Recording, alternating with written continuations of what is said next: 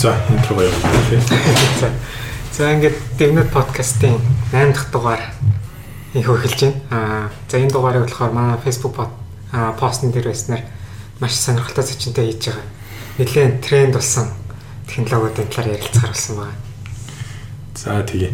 Бацург маань өөрийгөө товчхон танилцуулаач. За. За одоо хаанаас нь эхлэх юм болоо тий. Би ер нь одоо 2000 онд Монгол Улсын сургуулийг электроникийн инженер мэрлэгээр төгссөн. 2000 оноос хойш тоолох юм бол ерөөдөө 19 жил их бага хэмжээгээр мэдээллийн технологийн салбарт ажиллаж байгаа. Эхний нэг 2 жил орчимнод бол яг мэрэгжлийнхаа давгуу автоматжуулалтын инженер гэдэг одоо үеийн харданд шал дээр MCS Electronics гэж байсан. Одоо л IT zone гэдэг те тэр компанид ажиллаж байсан. Тэндээс одоо аялын гараагаа эхэлсэн. Тэгээд ер нь бол 2000-аас 2006 онд Монголд байсан. Дунд нь нэг орчим жил энэ төр сургалт дамжаад ажиллаж байсан компани гэх юм бол MCS Electronics аа тэгээд одоогоор бол Sky Media тухайд Sky CNC гэж байсан. Тэгээд Credit Bank зэрэг компаниудад ажиллаж байгаа. 2006-аас 2000 14 оны хооронд Японд ажиллаж байгаа тэрсэн. Японд хоёр компанид ажилласан. Эхний компани жижиг компани байсан. Дараагийн компаниуд бол яг хуу Японд нийлийн том систем интегратор Entity Data гэдэг групп байдаг байхгүй юу? Тэр групп дотор одоо дотроо маш олон software development компани байдаг. Тэрний нэг компани. Entity.com гэдэг охин юм уу? Одоо томоор нь ярих юм бол хамгийн том Entity гэх групп байна. Энд дотроо Entity Docom, Entity Communications, Entity Data гэдэг. Entity Data дахиад өөрөө групп баггүй. Дандаа software development-ийн чиглэлээр маш олон охин компанитай. Entity Docom ч нь бол миний мэдгээр нэг 2008 онд бол Японы номер 1 оператор байсан баг тий. Одоо хэд дүү. Одоо ч гэсэн том л баг л та. Ер нь бол монголоор бол юм Mobicom гэсэн үг тий. Тэгэхээр Entity Docom бол яг томоор нь ярих юм бол Entity Group нэг компани зөвхөн одоо харилцаа холбооны салбарт да том гэсэн үг ш. Тэгээд entity group ч нь бол ерөөхдөө мэдээллийн технологи харилцаа холбоо сүлжээ програм хангамж гэдээ явждаг. Програм хангамжийн хамгийн том компани entity data гэдэг байна. Тэрний доор маш олон компани байдгийн нэгэнд нь бол ажиллаж байгаа тэрсэн. Тий. Тэгээд 2014 оны 13 оны сүүлдэр л юм байна л Монголд ирсэн. Монголд ирэхээс өмнө Unimedia гэдэг компанид Японд дах салбарт нь ажиллаж агаад тэгээ Монгол руу ер нь буцаар болоод тухайд яг аргэрийн ачаагдал тэгээд Японд удаа ажиллачаар бас яад юм бэлээ Монгол руу буцтай юм бэлээ бодож исэн тэгээд яг хамгийн юм ингээл тохироо бүрдсэн гэх юм уу авахцаад Монголд ирсэн. Тэгээд Unimedia Solutions гэх компани байдаг те.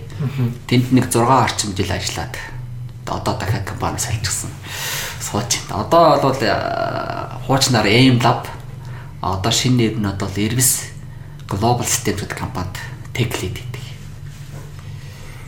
А нэг юм хөө төгтэй. За манай подкастт орж ирсэн хамгийн удаан IT-ийн салбарт ажилласан хүн бол одоохондоо бол Бацэрэг гэхдээ илүү удаан ажилласан хүн олноо гэж байгаа. Аа. Тийм бид нар өнөөдөр нэлээд олон төрлийн сэдвүүдийг хөндөж байгаа. Тэгээ эхлээд бол электроникийн чиглэлээр ажиллаж байгаа. Тэгээ 2 жил ажилласан. Тэрнээс хойш дандаа програм хангамжийн чиглэлээр ажилласан. Анхны програмчлалын хэл нь юу байсан бэ сурч байсан? Их сургуулаас авах юм бол их сургууль хамгийн анх сурсан нь бол C.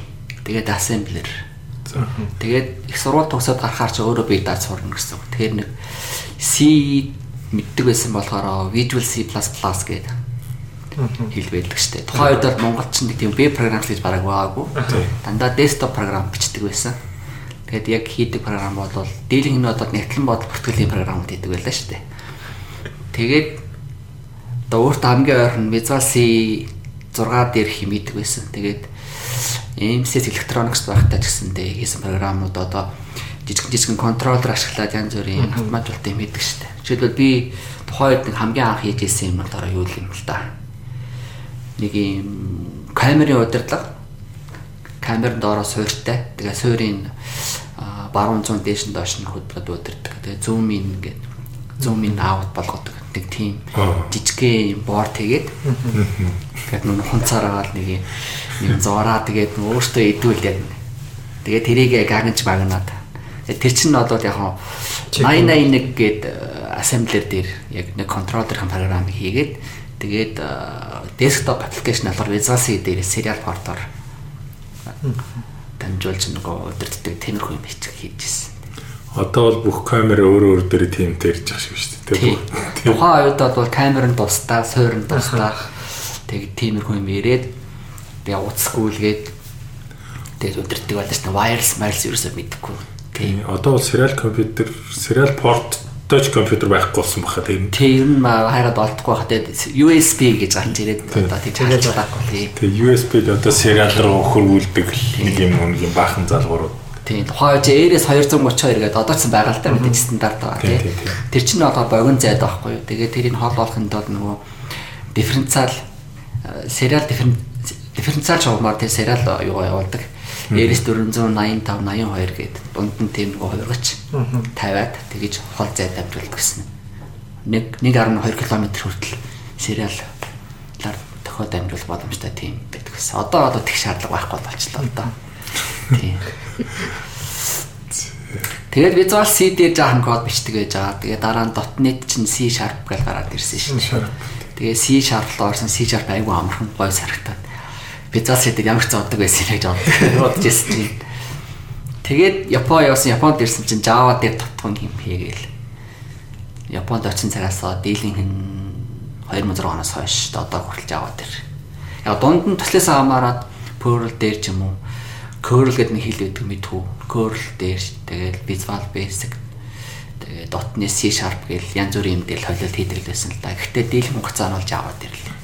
Дандаа server side тал руу гал юм ийсэн. Миний юу гэдгийг яг л одоо юу гэдгийг Java дээр ерөөсөө нэг тийм бол код бич нэг бичтгэлтэй жижигхэн жижигхэн гэхдээ ерөөсөө нэг юм том хэмжээний код чинь тэгэхээр ерөөсөө нэг юм юу гэдгийг сэтгэж чадахгүй байгаа. Ерөнхийдөө нөгөө програмчлалын хэл ингээд нөө олон жилийн ажлын туршлагатай хүмүүстэй ингээд ярилцахлаар одоо маш олон програмчлалын хэлнүүд сэлгсэн солисон байгаа даахгүй хамгийн их таалагдсан жаа.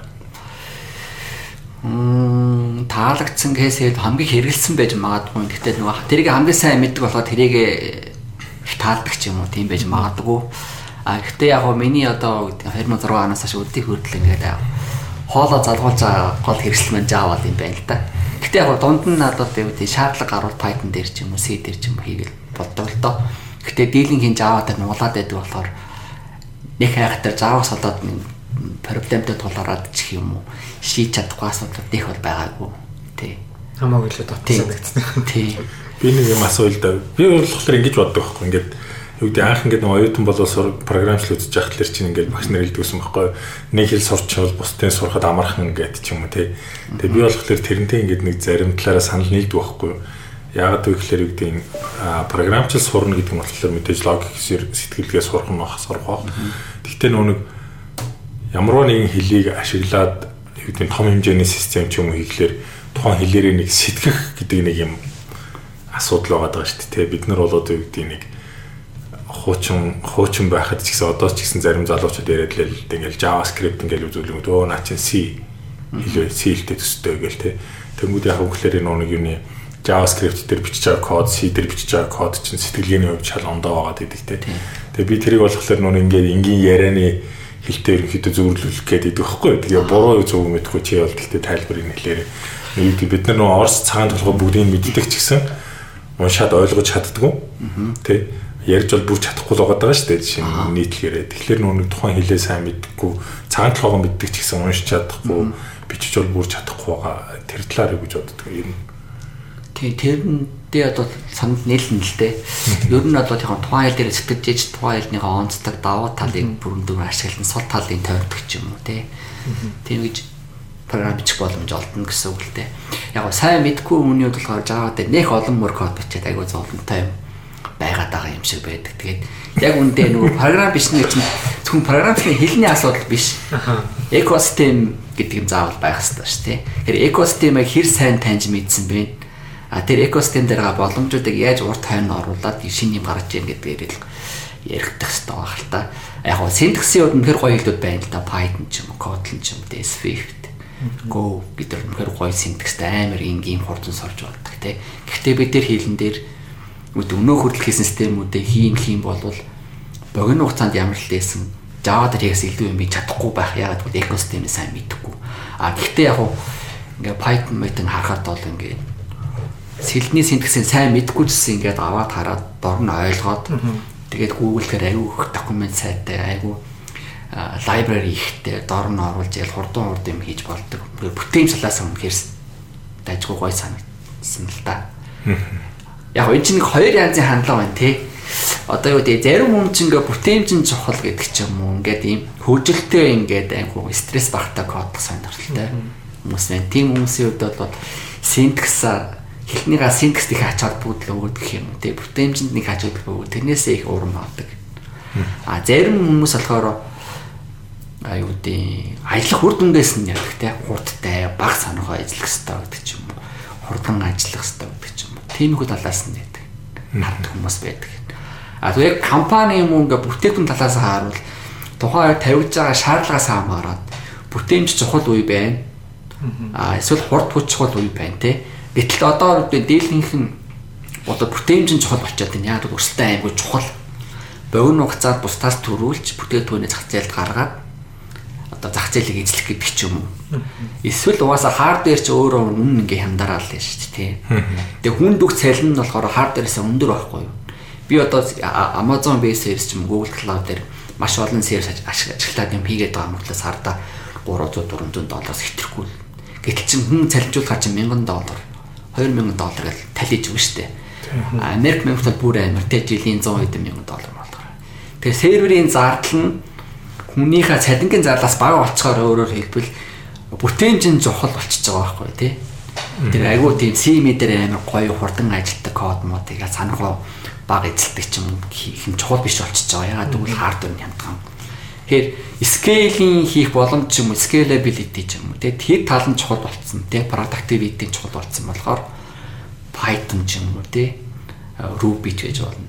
Аль сайн мэддэг хэл дээр хийж болж байгаа байхгүй. А мэдээж төслөөс хамаарат үнэхээр C дээр ч юм уу, Java дээр хийх болохгүй юмнууд байж болно шүү дээ. Э core юмнууд, DB server ч юм уу чухал чухал юм дээр бол яалч авахгүй Java дээр юм уу C дээр ч юм Go дээр их болохгүй тийм юмуд байдаг тий. Жишээлбэл Twitter бол анх болоод Ruby дээр message-гээ хийсэн чинь айгүй гоё ямархан хийчихсэн. Гэтэ дараа нь ачаалаад авахгүй юмсан ч юм тий. Тэгээд сандрангуудаа Scala дээр хийгээд гэл тий. Тэмхүү юм таа ш тий. А ингээ хараад ахтаа бол DB server ч юм одоо хамгийн мандас хэрүүд Redis ч юм уу тий. Cassandra гэдэг чинь Java мод дээр хийсэн баа штэ. Тэр чинь бол C дээр хийж болно. Гэтэ бүтээмжин чухал C бол Java 2-ын оронд хурдны ялгаа байцтай тийм амар өндөр бол биш байхгүй тий. Хэдэн миллисекундын л зөрөө шүү. Тэгэхээр яг ингээд яг бүтээгдэхүүн систем нэгж байгаа хүмүүс одоо нэг зөвхөн одоо гэдэг програмчлалын хэлний гой сайхан ч юм уу тий. Синтекс дээрээ бодохгүйгээр маш олон талаас нь харах хэрэгтэй. Мэдээж бүтээмж өндөр байвал сайн тий. Гэтэ юу гэдэг а Python гоё гэдэг Python мэдгүй хүмүүсийн дунд Python-оор хийгээд бас алдчих магадгүй тий А Java ч юм уу C дээр хийх юм бол айгүй гой хурдан мундаг хийж болно гэсэн чинь багийн гişүүд тийм туршлагатай хүмүүс байхгүй ч юм уу. Тэгэхээр яг хэрэгцээ шаардлага юу байна? Тэгээд тийм цугласан хүмүүсийн одоо юу гэдэг ажлын туршлага, ур чадвар тэгээд бүгдээр нэг ин харж агаад хамгийн тэнцвэртэй боломжийн хувьд гаргах хэрэгтэй. Баггүй тий. Документ сайттай ч юм уу тий.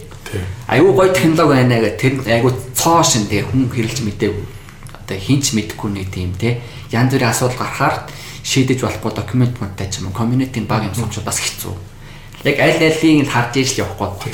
Дангаас өрнгийн их бодох байна. Би нэг өмнөх подкастууд дээр ярьж л үгүй л нэг нэг Rust нэг жижигхэн Rust бич гэдэг тэгээд нэг тэр тухайгаа Twitter дээр бичсэн чинь дангаас өрнгийн бодох төлөө ер нь бол технологи гоё гэж болно экосистем нь чухал шүү дээ гэдэг үү тэр чинь болохоор яг нэг нэмэлт сангууд байна хамгийн бас нэг чухал юм нь болохоор тэрийг мэддэг ашигладаг. Тэ ядчил нүг юм жоохон асуудал гараад мэдгүй юм гарахлаар асууж болох үнтэй байх хэрэгтэй болоод байгаа. Яг нөө Java гэд ихэнх хүмүүс болохоор Java нүг аюу удаан гэж яриад байгаа тий. Тэгвэл ингээд яг бүр ингээд наривчлаад уншаад ирэхлээр яг үгээр ингээ бүр том сервер дээр те нөө Java эхлэхдээ удаа те виртуал машин эхлэхдээ удаа тэгээ нөгөө нэг класс файлуудаа лоуд хийхдээ удаан. Тэрнээс биш яг нэг код ажилуулахлаарэ ажиллуулах хүртэл. Тийм. Бараг C++-аас зарим юмараа илүү илүү байна гэдэг. JavaScript бас тийм байна гэдэг чинь шүү дээ.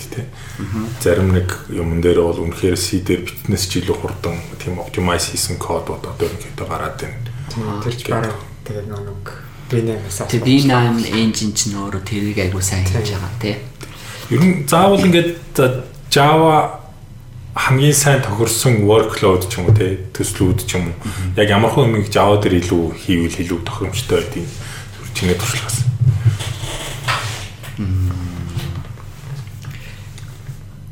Гэхдээ яг Java дээр хийгээ чинь нөгөө Java ч одоо 10 сая гаруй хөгжүүлэх чинь тий. Яалч яг уу маш олон хүн хэрэглэдэг байхгүй. Өөрөөр хэлбэл бүр 90 эд оноос хойш тий 96 одоо оноос хойш хэрэглэжсэн. Тэгээд маш олон газар тэнд хөрөнгө оруулалт тэгээд он удаан жил ингээд туршигдаад тэгээд шалгарсан нэг тийм юм байгаа байхгүй. Тал бүрийн одоо одоо график чийж бол тий веб чийж бол ороогүй салбарууд байхгүй embed програм зөвлөл байгаа шүү дээ.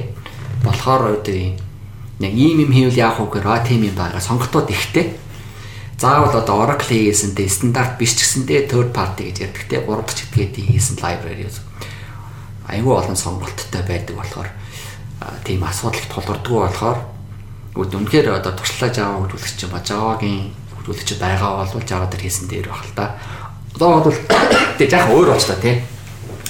Python ч айгүй дэлгэрээд мод AI data science тал руугаа хүмүүс их юм хөгжүүлэлт хийх гээд их сургуулиуд тэгээд Google гэх том компани нь үлдээгөр Python маш маш тархачлаа шүү дээ. Ороогүй салбар суулдаг. Python ч өөр micro Python гэдэг бас embed програм шүү дээ. Зориулсан юм байж. Тэгээд заавал C дээр тийм контроллерыг програмлах шаардлагагүй болчихсон. Тэгэхээр Жаа яриас их хадуурч шиг боллоо да. Тэгээд яг Java дээр хийхгүй болохгүй юмнууд бол ялж байгаагүй. А Java юугаар амжилттай вэ гэхээр virtual машинтай тий. Бол native код биш гэсэн мөртлөө just in time compilerтай тий. Тэр тэр just in time compiler virtual машин хамгийн гол нь амжилттай байхгүй маш олон жилээр ингээд virtual машиныг энэ сайжруулаад тэр нөгөө ажиллах үе runtime ажиллах үеийн тэр нөгөө оновчлол нь аюу мундаг учраас тэгээд нөгөө санахоо одоо хиптэй менежмент гэдэг бол аягүй сайн хийдэг болохоор тэр талаар гарах хэрэгтэй. Тэгэхээр яарч жоохгүй сервер сайт ч юм уу тийм юм дээр бол үнэхээр сайн. Аа зүгээр л нэг жирийн веб веб ч юм уу хийх гэж байгаа бол Python дээрсэн ч болно шүү дээ. Тийм асуудал байхгүй. Scalable code гэж юм бол scale-ийг явуулчихна тий. Тийм. Яг нэг Python-гийн байдаг нэг хамгийн том дутагдaltaй тал байгаа л да GIL гэдэг байгаа. Global Interpreter Local үтэй тэр чинь нэг юм олон thread ашиглаад тооцоол хийгээд эхлэхээр нэг юм дундаа нэг юм ганцхан локтой байхгүй. Тэгээ тэрнээсээ шалтгаалаад multi threading хийхдээ жоохон муу. Java болохоор чинь аюу сайн. Thread дээрээ сайн. Тийм, thread дээрээ сайн. JavaScript ч болохоор чи угаасаа ганц single thread гэд явж байгаа шүү дээ. Тийм. Одоо өөрөлд яг анх хэлний гарал үүсэлт хамаардаг хоёр багтчихсан. JavaScript ч угаасаа л браузер дээр ажиллахаар анх анх бодоод хийчихсэн болохоор single thread ч юм уу а синхрон байхгүй бол болохгүй болчихж байгаа тий. Тэр нөөцийг хамгийн сайн ашиглахгүй болохгүй. А Java-гийн ч юм уу C мэд ч болохоор гэдэг үйлдлийн систем рүү илүү төлхөө ойрхон болохоор тэр thread процесс аягүй сайн хяндаг тий. А орж ирсэн хүсэлтийг хүсэлт бүр дээр thread үүсгээд явчихж байгаа шүү дээ тий. Тэгээ тэрийг одоо thread pool үүсгээд одоо Java дээр хамархан хийвэл executor service гэдэг бас байж байгаа. Тэрийг ажиллах юм бол бас тийм хэцүү болоод биш. А гэхдээ мэдээж үүдийн Go routine ч юм уу те Kotlin-ийн core routine дээр хийхээс бол арай жоон хэцүү. А гэхдээ тэрийг нүссэн юм гараад ирчихсэн. Одоо үүдийн Fiber гэдэг project байдаг шүү дээ. Тэр чинь одоо OpenJDK гэдэг албан ёсоор project Loom гэдээ ороод ирчихсэн. Тэр нь одоо ингээд хөгжүүлэлт нь явагдаж байгаа. Тэгээд дараа дараа чи хувилбаруудаас ер нь бодвол нэг concurrency гэдэгтэй concurrent програм дээр бодвол заавал нөгөө трейд үсгэх шаардлага байхгүй. Яг Erlang Go шиг нөгөө lightweight трейд гэдэгтэй ашиглаад яг л синхрон кодчж байгаа юм шиг биччин цаанаа бол асинхроноор ажиллана.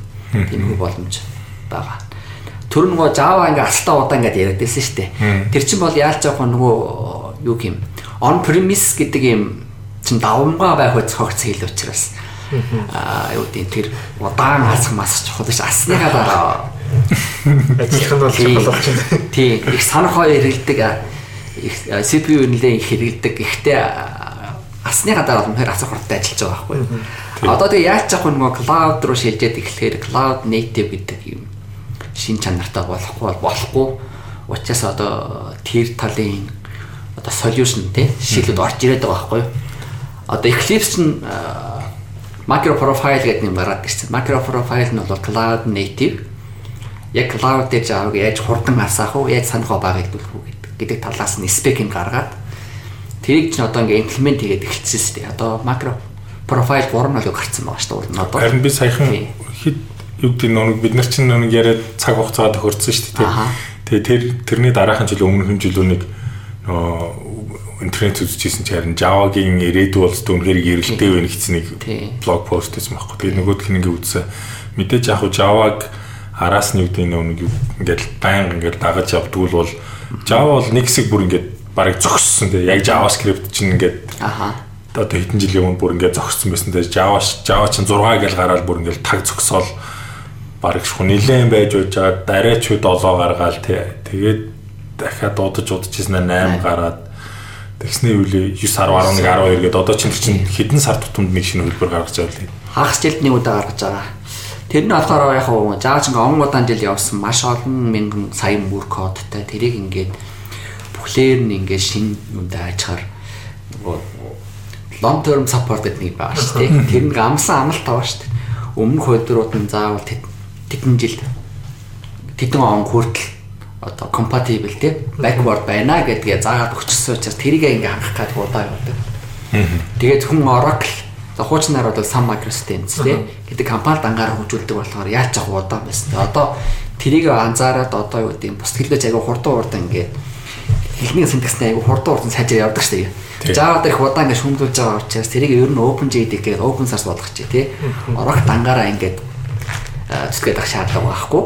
Ямар нэгэн vendor neutral гэдэг шүү дээ. Ямар нэгэн компаниас үл хамаарсан ингээд community нь өөрөө аваад явдаг болгоё гэдэг OpenJDK гэдэг. Дараа нь Java Enterprise Edition-аас одоо Eclipse руу шийдвэрлсэн шүү дээ. Eclipse руу шийдвэрлээд одоо сая Jakarta E8 гэж гарчлаа шүү дээ. Тэгээ тэр чинь бас 17 оноос эхлээд 2 жил үргэлжлээд жоохон сааталтай байсан. Тэр нь ямар асуудалтай байна гэхээр зүгээр юм трейдмаркын асуудал юм байлээ л дээ. Oracle бол өөрийнхөө ачааллыг хөнгөлөөд тэгээд аль нэг компаниас хамааралгүй комьюнити нь өөрөө аваад явдаг илүү томруулах гэдэг ахгүй тий. Болгоё гэсэн Тэгвэл би эхлээс аваад хийчихээ хийх гэхээр бас нөгөө Java гэдэг трейдмарка авч үлдэх гээд байгаа байхгүй. Тэрэн дээр одоо юу гэдэг а Enterprise Edition дээр чинь JavaX гэдэг team нэртэй package namespace байгаа шүү дээ. Тэрэн дээр чинь жоохон маргаан байгаа юм байна л дээ. Тэр нь болохоор Oracle-ийн өмч юм байна л та. Тэгээ тэрийг бол манай авч үлдэнэ гэдэг. Тэрийг за авч үлдэж болно тэгээд бид нар одоо үгүй Jakarta-га Jakarta-га өөрчилж штэ. Гэтэл нөгөө Oracle-ийн өөрийнх нь Java Enterprise Edition 8 дээр ч нэг Java-гсаар байж байгаа. Энэ хоёрын хооронд ингээд хөрвүүлэх хийх болохгүй болчихсон байхгүй юу? Java-X гэсэн package байгаад байдаг бол нэг адилхан юмны implementation нөт нь болохоор Jakarta байж болохгүй. Тэгэхээр нэг бодвол нөгөө хийх үед нь автоматар ингээ Java code маань bytecode дээр manipulation хийгээд Java-X-ийн Jakarta болгодог юм. Тэгээ тэгжээж болно. Эсвэл одоо юу гэдэг төр зурдаа Java-X-аар яваад аажмаар Jakarta болъё гэдэг тийм их юм яриад байгаа байхгүй. Одоо бол ярьж ярьж байгаад үлдсэн за юусэн төр турда Java Jakarta E9 гарахаас өмнө гарах хүртлээр бол яах вэ? Java-гсаараа явъя гэдэг зөвшөөрөл бол авцсан юм шиг байлээ. Тэгээд сая бол 9 сарын хэдэн гарсан байна 10 дэх юм уу? Jakarta E8 гэдэг нь гарсан байл. Харин би нэг тэр талаар уншсан. Тэгээд гисэн чинь яг хөглөр Oracle ч нэг ингээ балаараад Jakarta E гэж байх хэвээр хэрвээ тэрэн дээр Java гэдэг юм ашиглахаар бол одоо юу яа зөвхөн Oracle-ийн JDK ашиглана. Тэгээ тэгэхгүй бол одоо манай нэрийг ашиглаж болохгүй болохгүй энэ төр гэдэг нэг тийм балаа юм ярьсан. Гэхдээ яг нь ингээ пакэжийнх нэрийг авчихлаар чинь чинь Java-гийн сүнсийг хулгайлчихж байгаа яг адилхан юм шүү. Бараг. Java ч болохоор чинь нэг удаа бичээд хаасайг ашигла гэж шүү дээ. Тэнгүүд одоо юу гэдэг нь Java E implementation-ууд байгаа шүү дээ. Жишээлбэл юу гэдгийг аа за Oracle өөрөх нэг enterprise серверүүд байна те SQL Red Hat-ийнх ч байна IBM-ийнх ч байна те тэднээс ч болохоор чинь бүгдээрээ JavaX гэдгийг чаваад ингээд өргөжүүлээд тавьчихсан те тэгээд нэг кодо compile хийснийхаа дараа хаан завьжаад пакет тавьсан шууд ажилтдаг үстэй. Тэгж ажилтдаг байсан байхгүй те тэр үед нь болохоор зөвхөн Oracle байдаг байсан. Одоо тэгээд open source community руу шийдвүүлэхээр а юу гэлээ гэж бодож байгаа байхгүй тий. Бид нар чинь ингээд гол юугаа Java гэдэг нэрээр ятар чинь явж байгаа компани шүү дээ. Тэрийгэ зарж байгаа л гэсэн байхгүй юу? Тэрийг тэр трейд марк алдах гад баг шиг байгаа юм л да. Тэгэнгүүт чинь тийм ац чадаанд ч юм ороод тэгээд тэрэн дээр жоохон сонирн байдалд очиод байгаа шиг байна. Тэгээд яг и use гэж шууд гаргаад те Java Oracle-ийн Java Enterprise Edition-тэй compatible биш те non compatible биш цоошин нэр хийж болох болох байсан. Гэхдээ одоо байгаа хэрэглэгчдийг тийчээ шийдвэрлэх сонирхол байгаа учраас төр зурда тэр зөөлөн жилт хийх гэдэг аахгүй те айжмаар ингээд одоо Oracle-ийн Enterprise Edition дээр edition дээр хийсэн програм ямар ч асуудгүй шууд л Jakarta E8 дээр ажиллахаар болгож хийж байгаа байхгүй. Тэгээд айжм айжмаар шилжээд эхлэх юм бол магадгүй яванд ингээ хойр салаалах юм байж магадгүй. Гэхдээ ер нь бол тэр чинь хэрвээ пакэжийн нэр солихоор бол тэр чинь зүгээр ингээд find and replace шиг нэг юм ажиллавал баг гэж солчихно шүү дээ. Тэг ер нь бол баг л. Уулт нь бол тий. Баг л. Зүгээр нэг нэг stage ч юм уу фейз урд нь нэмэл тэгэл соличих нь л доо. Гэтэ тэхэн зөв юм уу юм уу? Нөгөө саяны ярьсан тэр right one run anywhere гэдэг чинь баалагдах байгаа байхгүй юу? Хайр тий. Тий. Тэгээд энтэй зэрэгцээд одоо юу гэдэг нь micro profile гэж ярьлаа шүү дээ. Тэр чинь бодвол юу спекийн хавьд бол клаудад нийцсэн байдалтайгаар санахаа бага ажилтдаг хурдан асдаг гэдэг. Өөр өөр мэдээж зөндөө олон л да гол нь энэ. Тэрийг дэмжсэн нэг шинэ одоо юу гэх инновац гэх юм уу те шинэ технологи гарлаж Graal VM гэдэг. Oracle-ийн өөртөө хөгжүүлсэн тэр open source. Тэгээ community edition, enterprise edition гэж байгаа. Community-гаар нь явж болно.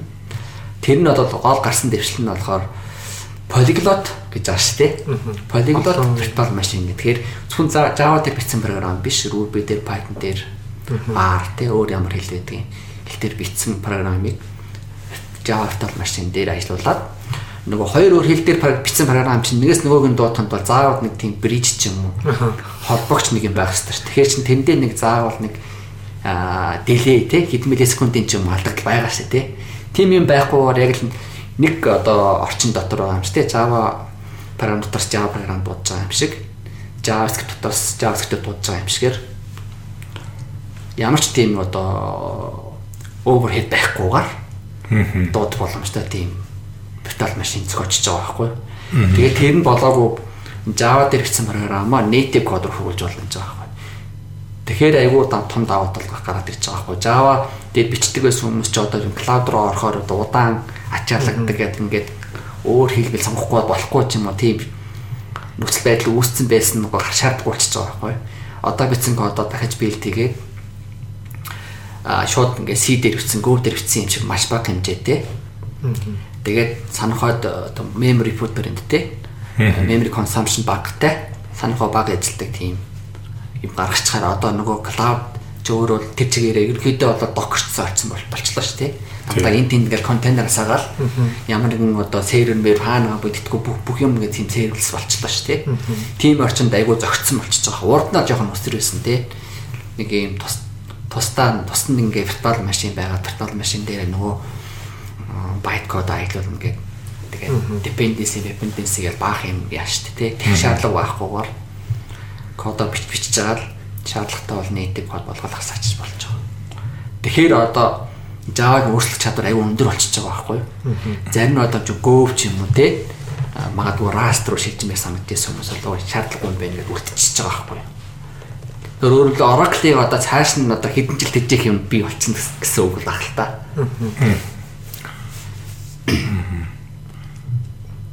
Тэгээ нөө Java экосистем гэхэлэр чи миний ойлгож байгаа айгүй маш том юм байгаа тийм ягаад гэхэлэр Java гэдэг нь дангаараа биш JVM гэдэг одоо өөрөөр хэлбэл Java virtual machine тийм тэр дээр нь ажилдаг код бичдэг маш олон програмчлал хэлүүд байгаа тийм Scala Sail Sail Ruby Python JRuby, JPython гэж Jython гэж байгаа. Тэгээ дээрэс нь Groovy, Scala гэдэг тийм. Ер нь тэднээсээс үзчихсэн үү? Тэднээс Kotlin бол нэлээд тоож үзсэн. Kotlin бол их таалагдсан. Гэхдээ яг уу Kotlin-ыг таалагдахгүй байгаа нь бол зүгээр нэг л ганцхан шалтгаан л байгаа. Тэгээ тийм том болоо биш л байгаа л та. Тэгвэл Kotlin ч өөрөө доод суурь нь Java-тай машин тий. Тэгэхээр үүдийн Oracle ч ингээл хагас жилд нэг удаа ингээл за OpenJDK тий нэг удаа нэг хөлбөр гараад ахиулаад байна шүү дээ.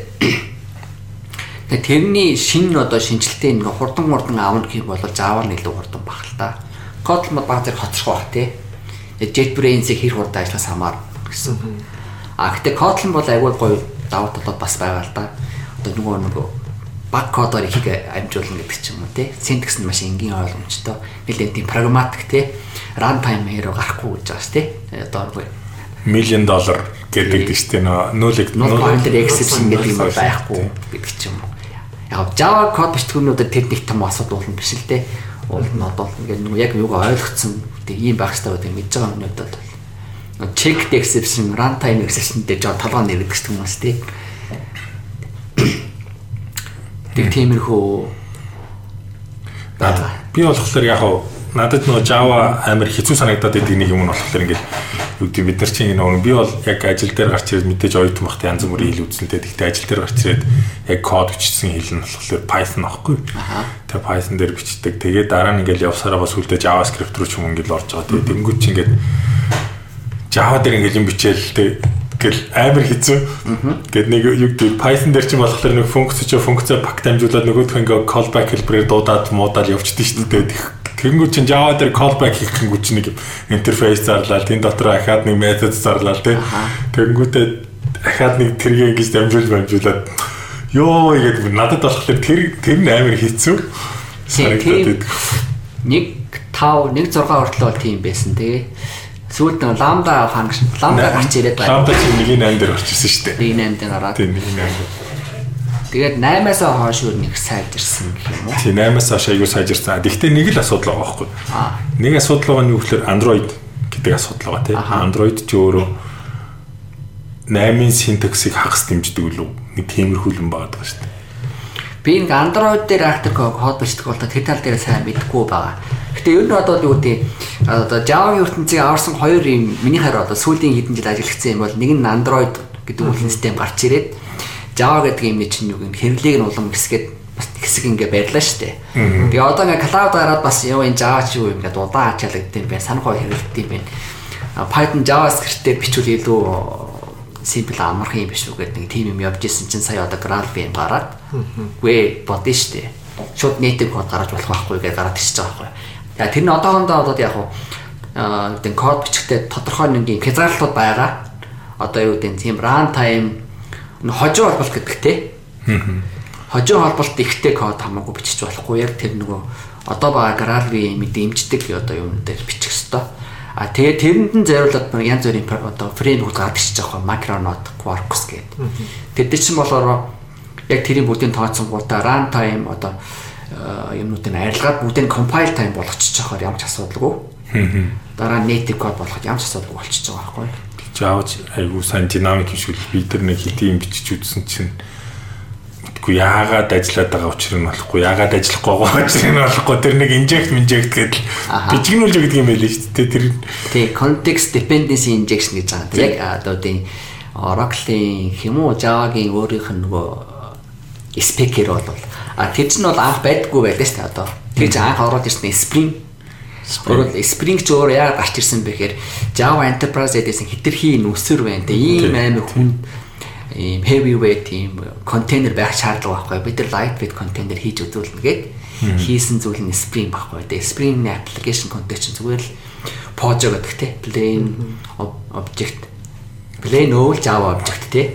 Зүгээр нэг Java bin class бичээл тэрийгээ тэр dependency контекст дотор яг л хэрэгтэй үедээ инжект хийгээд оруулчихж байгаа тийм. Тиймэрхүү юм дээр бол айгуу мундаг. Тэр нь ингээ явсаар байгаа Java-гийн соёл болоод эргүүлээд Java-гийнхаа бүр стандарт болоод ороод ирчихэж байгаа байхгүй. Хэдээс хойш орж ирсэн байна. Java Enterprise Edition 6 мурга 5 6-аас хойш юм байна тий. Тэгэд EJB ч ингээм амар гачин юм байсан шүү дээ. EJB 2 хүртэл амар нүсэр нэг код бичихэнд бол 2 3 интерфейс имплемент хийдэг те. Нэг тийм зовлонтой байсан. EJB 3 гараад асуудал болсон л доо. Тэгээд EJB 3 гарахаа чинь Spring шалгаагүй болохоор ер нь бол EJB гэж Enterprise Java би нэр. заавал одоо Java Enterprise Edition хийх шаардлага байхгүй Spring дээр ч юм хийж болно. Бид юу гэдэг JE-ийн spec-ийг мэдгүй мөртлөл хийгээд байх цаанаа бол автоматар Spring нь болохоор цаанаа яг Java Enterprise Edition spec-ийг ингээд implement хийгээд хангаад явдаг. Тийм юм байна. Java Enterprise Edition чинь бүр ингээд яг ингээд дотор нь ингээд уншаад зүг явахлаар чинь нэлээд хэдэн жилийн өмнө үзчихсэн л да би бол мэдгүй.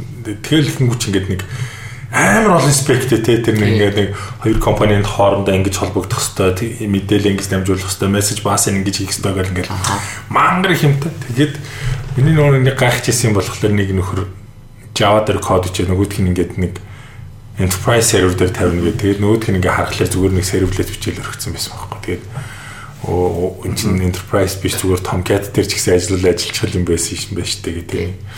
Тэгэнгүүт EJB нь өөрөө Spring-ийн тэ зүгээр нэг Pojo шиг бас ялгаагүй болцохоор заавал одоо Java application цээр хэрэггүй зүгээр л servlet container болчихж байгаа байхгүй.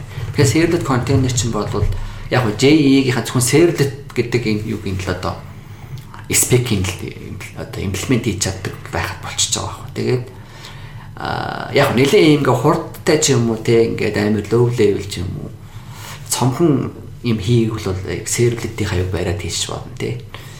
А одооны Java бол тэр spec mistake ерөөсө бодох шаардлага байхгүй framework нь бүгдийг ингээд даллаад одоо encapsulation гэдэг тий.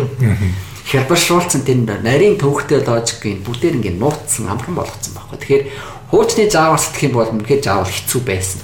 А одоогийн бол нэг мөр код бичээл шууд ингээд web server үүсгэж ш. Одоо тэр чинь класс арлаа дотор main method байгаад main method дээр нэг мөр код бичээл request ирэнгүүд response босааж болно шүү дээ уулнаад. Тийм тэр нөхөр зөндөө байгаа.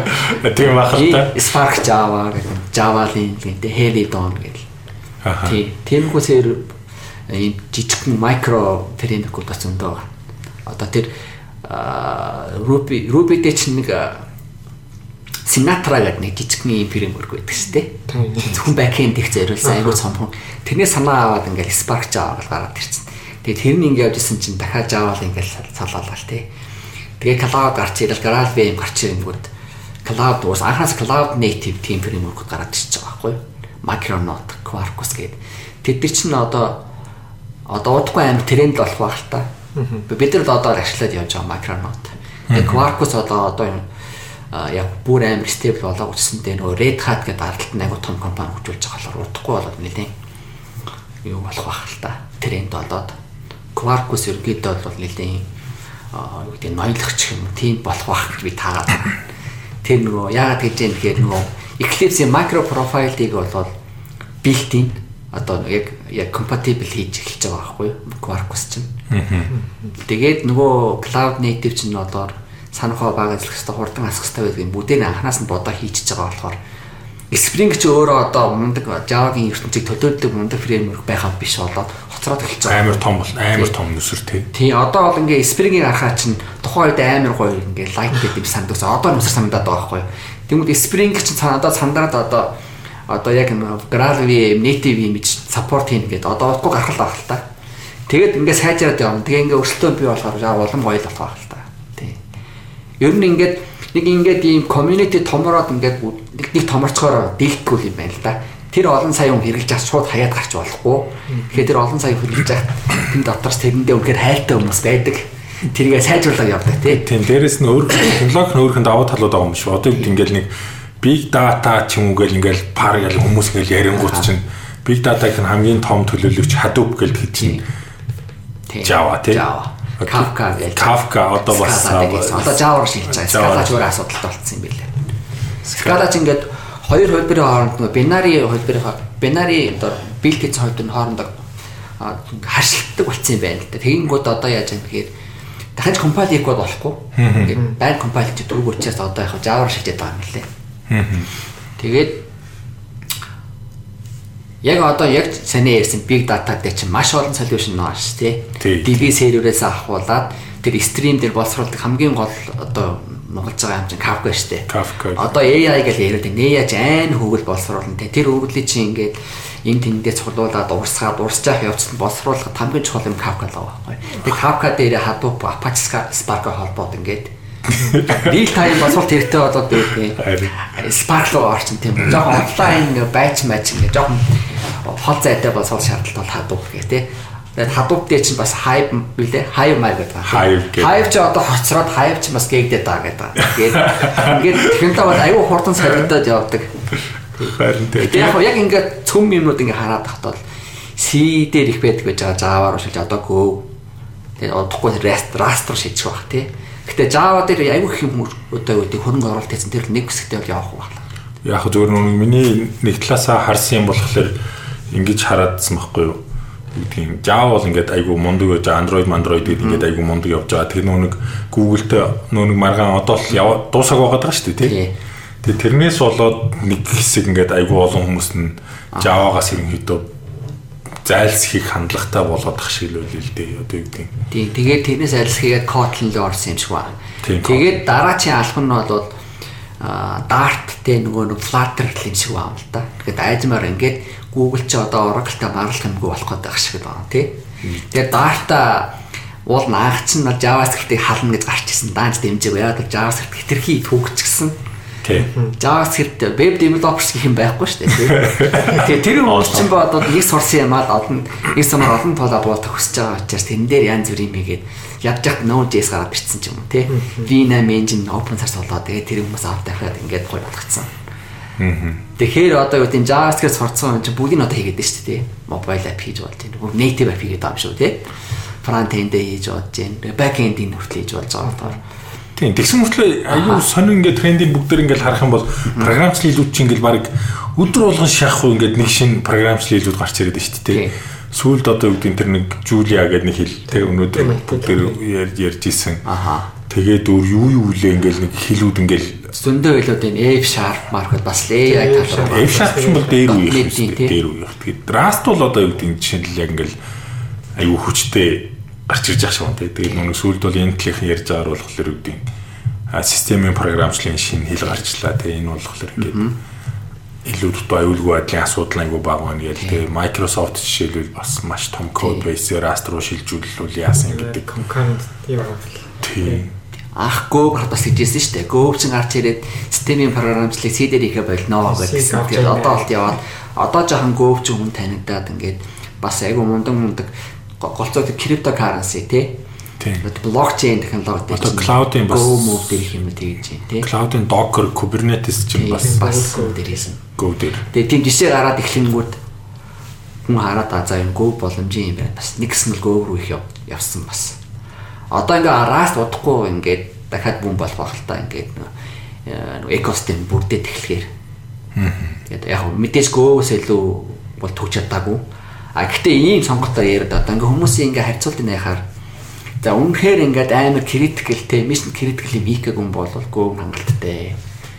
А Rust болж байгаа хэцүү шүү дээ. Тэгээ програмлал хэлэнд бол арай хэцүү. А гэхдээ үнэхээр супер одоо програмлал хэл эзэмшин дараа үнэхээр супер юм хийж болно. Маш бага санахаа ажиллана. Тэгээд маш найдвартай тий. Run time-ээр ерөөсөө хийх боломжгүй гэдэг байгаа байхгүй тий. Тийм. Нөгөө програмлалын хэл нь өөрөө syntax-ийн хавьд алдаа гарах боломжгүй болгочихж байгаа байхгүй тий. Одоо юу гэдэг нь одоо non trace safety чи un safety code бичих боломжгүй болгочихж байгаа байхгүй. Тийм. Одоо юу гэдэг нь thread програмын хин чин гол асуудал нь одоо нөгөө төлөвийг ингээд яаж зөв share хийх үү те яаж stateless програм хийх үү гэдэг дээр толгоо уддаг шүү дээ. Өөрөөр ямар нэгэн төлөв глобал хөлсөж байхгүй бол төлөв шеэрлэх асуудал байхгүй. Төлөв шеэрлэхгүй гэдэг чинь одоо тэр concurrency програмчлал дээр ямар ч асуудал гарахгүй гэсэн үг байхгүй тий. Яг сүүлийн програмчлал дандаа яг тийм concurrency oriented одоо multi-threaded програм бичихүүд одоо ядаж л одоо үл анзаард анзаарахгүйс одоо гарах ч алдаа гарах боломжгүй болчихж байгаа байхгүй. Exception үүсэхгүй тий. Тэр яг compile time илрүүлж болно гэх тий. Самхон хуваарлтыг заавал ингэж Java маа шиг ч юм уу тий виртуал машинтай хэлнүүд шиг ингэж just in time хийх шаардлага байхгүй. Compile time хийх боломжтой. Тэгвэл compiler амар ухаалаг болцсон. Бүх код уншаад а энэ бодвол ийм юм байна гэдэг анханаас нь ингээд хэдийд одоо санахыг яаж хуваарлах уу гэдэг нь анханаас нь ингээд бичээд явуулчихж байгаа байхгүй. Native code гэдэг заавал. Тийм коуч нь болохоор чинь нэг бас нэг хальт тэм нэг виртуал машинтай юм шүү те. Хальт нэг юм байт юм шүү те. Тэр нь болохоор ингээд нэг ажиллаж байгаа хавцтай Тийм. сан хоогоо нэг garbage collector collector-тэй гэсэн мөртөө pointer-тэй гэдэг. Тийм, point. тийм цаар нэг. Тий, тий. Rust болохоор ямар ч тийм garbage collector байхгүй наа чинь бол зүгээр шууд ингээд compile хийдэл бүх юм ингээд санах агуу өдөрдөө авчина гэдэг байгаа тийм. Тэгээд э, хэмжээ нь бага болохоор embed програмчлалтыг чинь өөрөө угаасаа embedded програм ажиллах орчин ч өөрөө ресурс нь маш хязгаарлагдсан болж байгаа санахоос CPU-ний хувьд тэрийг маш үр дүнтэй ашиглах боломжтой бас маш C-гээс амархан их гарчиж байгаа байхгүй. C ч бас төвөгтэй шүү дээ. Нэг header файл зарлаад тэр header файл дээр бүх интерфейсүүдтэй зарлаад тэрийгээ C кодон дээр имплемент хийдэг ч юм те. C++ бас төвөгтэй те. Яг бүгдээр нэг юм руу оруулах болдог л та header файл зарлахгүйгээр. Гэтэ тэгж үтгэхээр нөгөө гэдэг програмын хурдан ойлгох юм бол ингээд олон хуваацсан интерфейсийг хараад аа ерөөдөө юм юм хэмээн яг яаж хийх вэ гэхээр тэтэл рүү ордог те. Аа. Тим юм байхын тулд нэг header файл тэгээ C файл гэдэг ялгцсан байж тээ. А тэр ч нь яаж чагаа хэрэгтэй гэхдээ айгүй тийм код гэж байгаа юм яг төвхтэй тийм юу байгаад байгаа байхгүй юу. C C++ яг уу тэгэл хөгжүүл 11 гээл гарсан 11-ийн бүр айгүй гоё болсон гэсэн 14 17 20 гээл 20 бол 20 морин болохоор тэгээ нөө concurrent буюу тийм олон юм хийдэг програм бичихэд илүү амархан болчлоо. Rust зохиолохгүй л гэдэг ах шиг үлээ л дээ. Мэдгүй л дээ. Гэхдээ одоо юу гэдэг миний хувьд бол хэцүү санагдсан зүгээр. Тэгээд яг нэг ингээд жишээлбэл яг амьдрал дээр бол ингээд нэг C++ бичих тийм хэрэгцээ шаардлага нь бол гарахгүй болохоор ер нь бол гарахгүй байгаа байхгүй. Тий. Тий. Тэгэхээр яг бид нар яг аль салбарт юу гэж яас хамаарат зарим технологийн талаар ямар ч ойлголтгүй болчихж байгаа байхгүй. Одоо шил би нэг фронт энд нэг бичдэггүй болохоор за хэлсэнтэй Vue.js, React.js гэж юм байна байна гэл тээ. А Vue.js нэрээ амархан амархан гэдэг чинь нэг хүн болгоны мэддэг тийм ойр зөрийн юм яриад явах хэмжээд байгаа байхгүй А юу гэдэг Java маа ч юм уу сервис сайд руугаар арай ингээд тэрлүүгээ ингээд илүү үнзгээ орцсон болохоор зарим нэг хүний бол илүү мэднэ мэдээж бүгдээр ингээс нийлүү биш. Бүр мундаг мус зөндөл байгаа шүү дээ. Яг зөвөр нэг ийм нэг сони яриа өгдөг шүү дээ. Ингээ хүн бол ингээ хөрвөх чадвартай байх хэрэгтэй ч юм уу. Айл бол холын мэддэг байвал зүгээр юм уу гэдэг нэг юм яриа байгаа шүү дээ. Нэг тэг нэг юм яриад тэгээд нэг зарим яг ингээд нэг хүмүүс ч ингээл За би бүгдийг мэддэг байх хэрэгтэй юм чи ингээл амар олон юмнууд ингээд судлаа сурцсан хүмүүс бас мэрсэр байгаад байгаа байхгүй. Тэр талаар юу гэж боддог одоо чи илүү нарийнж мэрэгших хэрэгтэй хүмүүс бол хөрвөх чадвартай гэдэг айгүй олон юм чаддаг байх хэрэгтэй юм. Мэрэгших нь одоо чухал болсон яг л бүтгэс аргагүй юм. Одоо ингээд фронт энд чи бүр ингээд цалаа хөвчлээ шүү дээ хуучин чи сервер сайд рендер хийдэг ингээд ямар нэгэн сервер сайд програмлал мэддэг багт HTML темплейт дээр ингээд жоо ховсч мэсч оруулаад одоо директив ясаж аваад ингээд динамик HTML генералт гэсэн одоо ер нь тех шаардлагагүй болоод одоо юу гэдэг бүгдээр ингээд фронт энд талаа хийдэг болчлаа шүү дээ. Браузер дээр бүгдээр рендер хийдэг болчоо. Тэгэхээр чин тэн чин нарийн юм ирэхс аргагүй болчих жоохоо мэршгээс. Тэгээд одоо я баг миний ажиллаж байгаагаар баг фронт энд код бичих нь бэк эндээс хэцүү болцсон юм биш үү? Түүхтээ одоо бил техникт аягүй удаан шүү дээ. Бэк энд ч бол хэдхэн секундд дуусчих чинь нөгөө JavaScript ингээ бийл тэгээд нөгөө янз бүрийн линтрүүд нь аялаад ингээд пакчлаад бөө юм бод бод тийм дуусч байгаа сте. Ер нь одоо тийм Тэгээ нөгөө хөгжүүлэлтийн үндсэнд амар болцоогоо сте ингээд урт нь ингээд баахан шинээр ингээд юм нэм нэм нэм нэмчихсэн яг тэрнийхэн хамгийн сүүлийнх тэр нэг жихэн кодоо бичдэг. Тэгээ яг энэ нөгөө буцаад ингээ ингээ ингээ янз бүрийн нөгөө нэг транспайлерууд орж ирлээ. Babel Mabel гээл те. Тэд нар чинь одоо ингээд нөгөө хөгжүүлэгчийн ажлыг хөнгөлөд байгаа юм шиг тэ биелтийн хугацаа амар болтоо. Заримдаа салхмаар л юм билээ. Яах вэ зүгээр нүг юу өчигдөр илүү өнөөдөр илүү би нэг подкаст сонсч яваад тэгээд тэгээд тэгээд тэрэн дээр болохоор нэг JavaScript-ийн тухай npm тэгээд go-ийн тухай ерөнхийдөө харьцуул ярьж ирсэн надад гэдэг байхгүй. Гэхдээ npm бол ингээ барыг төгсөрцөө гэдэг байхгүй нэг пакэж бичээд те паблиш хийх мэх бол айгүй амархан болсон. Go дээр тэр нь жоохон тодорхойг байгаа гэдэг байгаа. Би бол мэдэхгүй л дээ. Тийм Go-ийн тэр package management нь муу л гэдэг аа л да. Харин тэгээд л лээ. Package management мондох хөгжсөн нь болохоор Python, JavaScript, Java энэ гур байна. Миний ойлгож байгаа. Тийм. А Python бол өмнө амар, npm бол өмнө амар. Юу ч хийсэн бүгдийн зүгээр л command line интерфейс зүгээр түүл суулгах чаа код бичихгүй зүгээр л нэг command line тэгвэл програм авах юм бол npm татаж авчих байгаа сте тий. Одоо ингээд Angular дээр ч юм уу VJS суулгахаар техник command line интерфейс npm-ээр ороод ирдэг. Тэгээд тэн дээр жоон нэг мөр код бичээл код генералс гаргаж ирэл. Тэгэхээр яг зөв нүн тэр болохоор нэг юм тодорхой хугацааны дараа айгүй амархан болох байх л гэж бодоод байгаа юм л да. Ягаад гэвэл үгдийн Python, Java дээр ингээл бүгдээрээ ингээл инженеэр үзэх юм бол за тест юу гарч чөө гэхээр окей JUnit ч юм уу те. Ингээд ингээд дийлцээ. Одоо бүгд байхгүй одоо ингээд оронд нь ашиглах юм баг байхгүй болчиход шүү дээ. Оронд нь ашиглах JUnit-тэй төстэй юм болохоор JUnit-ийн package package ингээд зарлж хагаад хооронд нь ингээд тавьдаг те баг яг адилхан ажилладаг юм арай илүү жоохон муртай ажилладаг. Python дээр болохоор ч одоо өөрийнх нь unit тестүүдийг бичиж болж байна. SQL нэг unit тестүүдийг арай хурдаар ан хийдэг PyTest ч юм ажиллуулж болж байна те. Тэгмүүд яг хөглөр одоо ингээд юу гэдгийг JavaScript дээр тэр чинь бол хэдэн жилийн өмнө аягүй хэцүү байсан шүү дээ. Тэгэл заавал домын юу авч их тест бичих гэхээр mocha тэр тэр тэр гээл те одоо болохоор тэр ингээл бас нэг ингээл харьцангуй Jest mest гээл Jasmine гээл янз бүр юм гараад ирсэн тэгэл. Jest Jasmine ч юм тэр нэг тэр тэр хит дээр ингээл ерөнхийдөө төвлөрөөл бас ингээ харьцангуй ингээ нүг юм. Тий. Сая бид нар нэг ингээ нэг юуны JavaScript-ийн жижигхэн сургуулийн хөтөлбөр бэлтгэхэд чинь л яг 2000 15 онд ES 6 гарахаас өмнө JavaScript бичих ямар хэцүү байсан юм бэ гэдгийг яг одоо юу гэдгийг те. Яг ES 6-ыг нь танилцуулга бичиж байгаа л энэс өмнө яаж код өвчдөг байлаа гэл ингээл бодоход бүр аюу хэцүүс мөн байна. Тэгтэл яг хөглөр одоо ингээ нэг 4 5 жилийн дотор аюу хөгжчлөө те. Дараа хэдэн жил. Яг одоо юу гэдгийг миний хараад байгаа бас чамаас суух нэг юм болохоор одоо юу гэдэг програмчлалын хөгжүүлэгчийн багжууд маш сайн хөгжиж байдаг тий тэгдийн кодын чадар чанар шалгах, хөрвүүлэх, мөрвүүлэх бла бла бла тий. Тэр бол ерөнхийдөө анзаарэгдэж байна. Тий, анзаарч байна. Тэр түүл нэг юм мундаг болсон болохоор JavaScript-ийн коммент ингээд томроод байна шүү дээ. Бүр ингээ хайлаа сервер сайд руу ороод тэгснэ бүр mobile native app хийгээд шүү дээ тий. Тэр чинь ерөөсөө тэр түүл сайжраад ингээд яг нөгөө бизнес логиктой төвлөрөө тэрийгэл их болоод байдаг болчиход байна. Урд нь одоо ингээд юм юм мэдэхгүй болохгүй би ил хийсний дараа яах уу маах уу гэлээ би дэ яаж ийх вэ бүгдийг боддог байсан бол одоо тэг шаардлага болчихсон байна л да тий. Бэлэн темплейт татаад аваад ирэхэд аль хэдийн фреймворк нь бил мэл бүгдийг ингээ бэлдээ тавьсан тий. Тэн дээр лентер ментер бүгдээр ингээ дефолтоор гэж өөрөө засаал ингээ явчихдаг юм тийм болчиход байгаа шүү тий. Тий. Тэгээ одоо JavaScript гэсээс JavaScript ч өөрөө ингээд хурдан ингээ синтекс нь сайжрахгүй болоод Babel мэйл гараад ирсэн юм шүү тий. Тэгээ синтексийг би илүү хэлбэрч хэлбэрчлсэн яг хэлнийхээ хувьд ингээд нэмэгдэг үзсэндээ тэр хөрвүүлээд нөгөө бол хэлбэрлэн цаана олоход хөрвүүлж байгаа тийм бэблэр хөрвүүлж. Тэснэ нэг гэсэн ерөөсөө фронтенд заавал JavaScript дээр биш ямар хэрэгтэй. Kotlin дээр бичсэн ч болно, Elm дээр бичсэн ч болно, TypeScript дээр бичсэн болно. Бүр илүү амар type safety тий TypeScript дээр чинь. Тэгээд Elm Elm бол амар амбицтай байгаа байхгүй. Elm-ийн одоо сайт руу ороо харахаар чи Elm дээр бичсэн кодыг JavaScript-д хөрвүүлээд харьцуулсан Angular Vue.js дээрс хурдан гараад байгаа. Тэгээ тэр яаж тийм хурдан гаргаад ирсэн гайхамшигтай бас тий.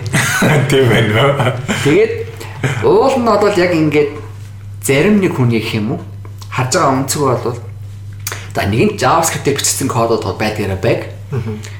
Тэр одоо тэр кодыг бол дуудаж ашиглаж болдог өөр та одоо гэм type safety програм хэлдэг бичиж болно шүү дээ ээлэн бол юу гэдэг тус тустай тусгайлан фреймворк сурах шаардлага байхгүй ерөөсөө built-in React.js шиг байж байгаа байхгүй бүр native function програмчлалын хэл. Тэгээ function програмчлалын хэл зөвөр ямар даваа талтай гэхээр нөгөө global host байхгүй. Global host байхгүй гэдэг чинь thread safety ямар ч асуудал үүсэх байхгүй тий. Тэгээд нөгөө concurrency яаж хийнэ минэ тийм бодох юм байхгүйгээр хийж болно тий. Тэгэд уул миний байгаа Elm бүгдээр сурах гоё байхгүй. Даанч яаж яах гэхээр JavaScript-ийг сурцсан бот эндүү олон тийшээ орчихгүй байхгүй. JavaScript мундаг сүпертэй биш тэрийг маш их хүн хэрэглээд ингээд хитрхи томорцсон тийшээ орохт хэцүү байхгүй. Тэнгүүд яг нэг хэсэг нь ингээд Dart руу оруулж үзээд болохгүй болонгот нь TypeScript ороод тэгэл Microsoft аюу хоёр чинь ингээд Google хоёр чинь ингээд хамжаал тий TypeScript оруулахд үзээд биш тий. TypeScript одоо дийлчлээ л дээ юм уу. Ерөнхийдөө бол TypeScript-оор шилжээд байгаа сте. Тэгээд одоо юу гэдэг юм хэрвээ Elm-ийн community ингээ сайн ажиллаж чадах юм бол юу гэдэг TypeScript-ээс илүү үдгээ харуулж чадах юм бол одоо экосистем бүрдүүлж чадах юм гэсэн үг шүү дээ. Тэр шилжихээс аргагүй байхгүй яг бол илүү технологи байхгүй яг үндэ бол run time алдаа гарахгүй гэж. Compile time хамгийн маа намайг код бичих хооронд л оо чи эндээ алдсан байна гэж хэлээд өчөж байгаа байхгүй тий. А динамик хэлсэн сул тал нь бол run time error гарах магадгүй. TypeScript дээр тийм алдаан гайг үлдээ. Тэгэхээр TypeScript илүүгээд байгаа байхгүй тий ээлэн бүр. Яг гэдэг үгээр function програмч тий. фанкшн програмчлалын хэлцэнгүүд өөр амар олон давуу талтай ингээд яагаад яагаад асуугаад байхаар айгүй гоё жишээ ингээд бичсэнтэй гэдэг юм байл л дээ. Тийм тэр нэг нэг юм програмчлалын хэлнүүд айгүй олон төрөл байгаа дагийг нэг хамгийн тийм өөр төрлөнөр нь тэр нэг camel гэдэг нэг төрлийн хэл нэр тий. Oh camel энэ тэр. Аа тий тэр чигтэйг хурдан юм байл шүү дээ. Скриптийн хэл мөртлөө. Амар хурдан юм бэл. Тэгээ дээрээс нь тэр нэг өөр нэг төрлийн юм чинь болохоор Ирланг байна тий. Тэр чинь бас нэг бүр нэг юм. Тий. Ирланг нь болохоор анх нөгөө мэндэлсэн одоо юу гэдэг шалтгаан нөхцөл нь арай өөр. Одоо Эрик Nokia Ericsson-ы лаборатори тий Ericsson-ы лабораторид мэндэлсэн хэлээд байгаа шүү дээ. Ericsson ч өөрөө холбоо харилцаа холбооны компани маш өндөр ачаал дандаа конкавт тий мал трэдэд ч юм уу тийм байх шаардлагатай. Тэрийг яаж одоо тухайн үеийн CPU гэр тий хамгийн оновчтойгоор маш их хүсэлтийг баг зардлаар гэх юм уу? Боловсруулах бай гэдэг анхаас нь бодоод тэр зөвлөгөө хийсэн болохоор тэр цаадал архитектур нэг юм мундаг. Одоо юу гэдэг нөгөө light better гэж яриад байгаа шүү дээ тийм ихэнх програмчлалын элчин болохоор ингээл одоо PHP ч юм уу юу гэдэг Perl гэдэг хүслэрэнгүүд процессор хавлаар тавьчих тий. Тэнгүүд ингээл хүслийг тусам ингээл улам ингээл санхон ингээл бүр ингээл одоо үржигдээл ингээл санхон дүүрэл эхлэн шүү дээ тий. Java арай гайгүй тэрэд болно тийм үү? Гэтэл чин тэрэд болсчихсэндээ kernel-ийн төвшин тэрэд хэрэгэлдэг болохоор тэр чинь бас хязгаартай. А тэнгуүч Erlang Go Kotlin одоо Java-сан тийм болж байгаа бол да. А яаж юм гэхээр application level тийм lightweight тэрэд үүсчихэж байгаа байхгүй юу? Тэгэнгүүт тэр kernel дээр kernel-ийн төвшөнд блоклогдох боломжгүй Тэгэхээр би амар аим asynchron код гэж улам мөр код callback хэл гэдэг юм шээ тий. Matik JavaScript patik гээл тий. Тим юмд унахгүйгээр маш цөөхөн мөрөөр илүү олон хүсэлт одоо хүлээж авах чадвартай програм бичих боломжтой болж байгаа байхгүй. Одоо Java тэр нөгөө Fiber гэдэг чинь нэг тэрэд нь дунджаар 400 мега 400 байт гэж байгаа байхгүй юу. Тэгэхээр чи 400 байт гэдэг чи одоогийн хэдэн гигагийн санах одоо юм дээр чи хэдэн сая хүсэл Тэг зэрэг боловсруулах гэсэн үг юм дээ. Аа. Тим чадвартай гэсэн үг байхгүй юу? Нь олон core чадах юм бол тэгээд юу ч ямар асуудал байхгүй.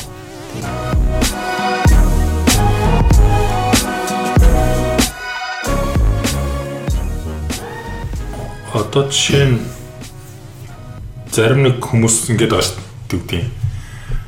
Аа программын ч юм уу фреймворк сонгохдоо ингээд нэг юм хурд ажиллагааны хурдны ингээ харьцуулт хийгээд идэг шүү. Тэр хэр чухал ханд жишээлбэл React React нь чуд хурдан юм бэлээ.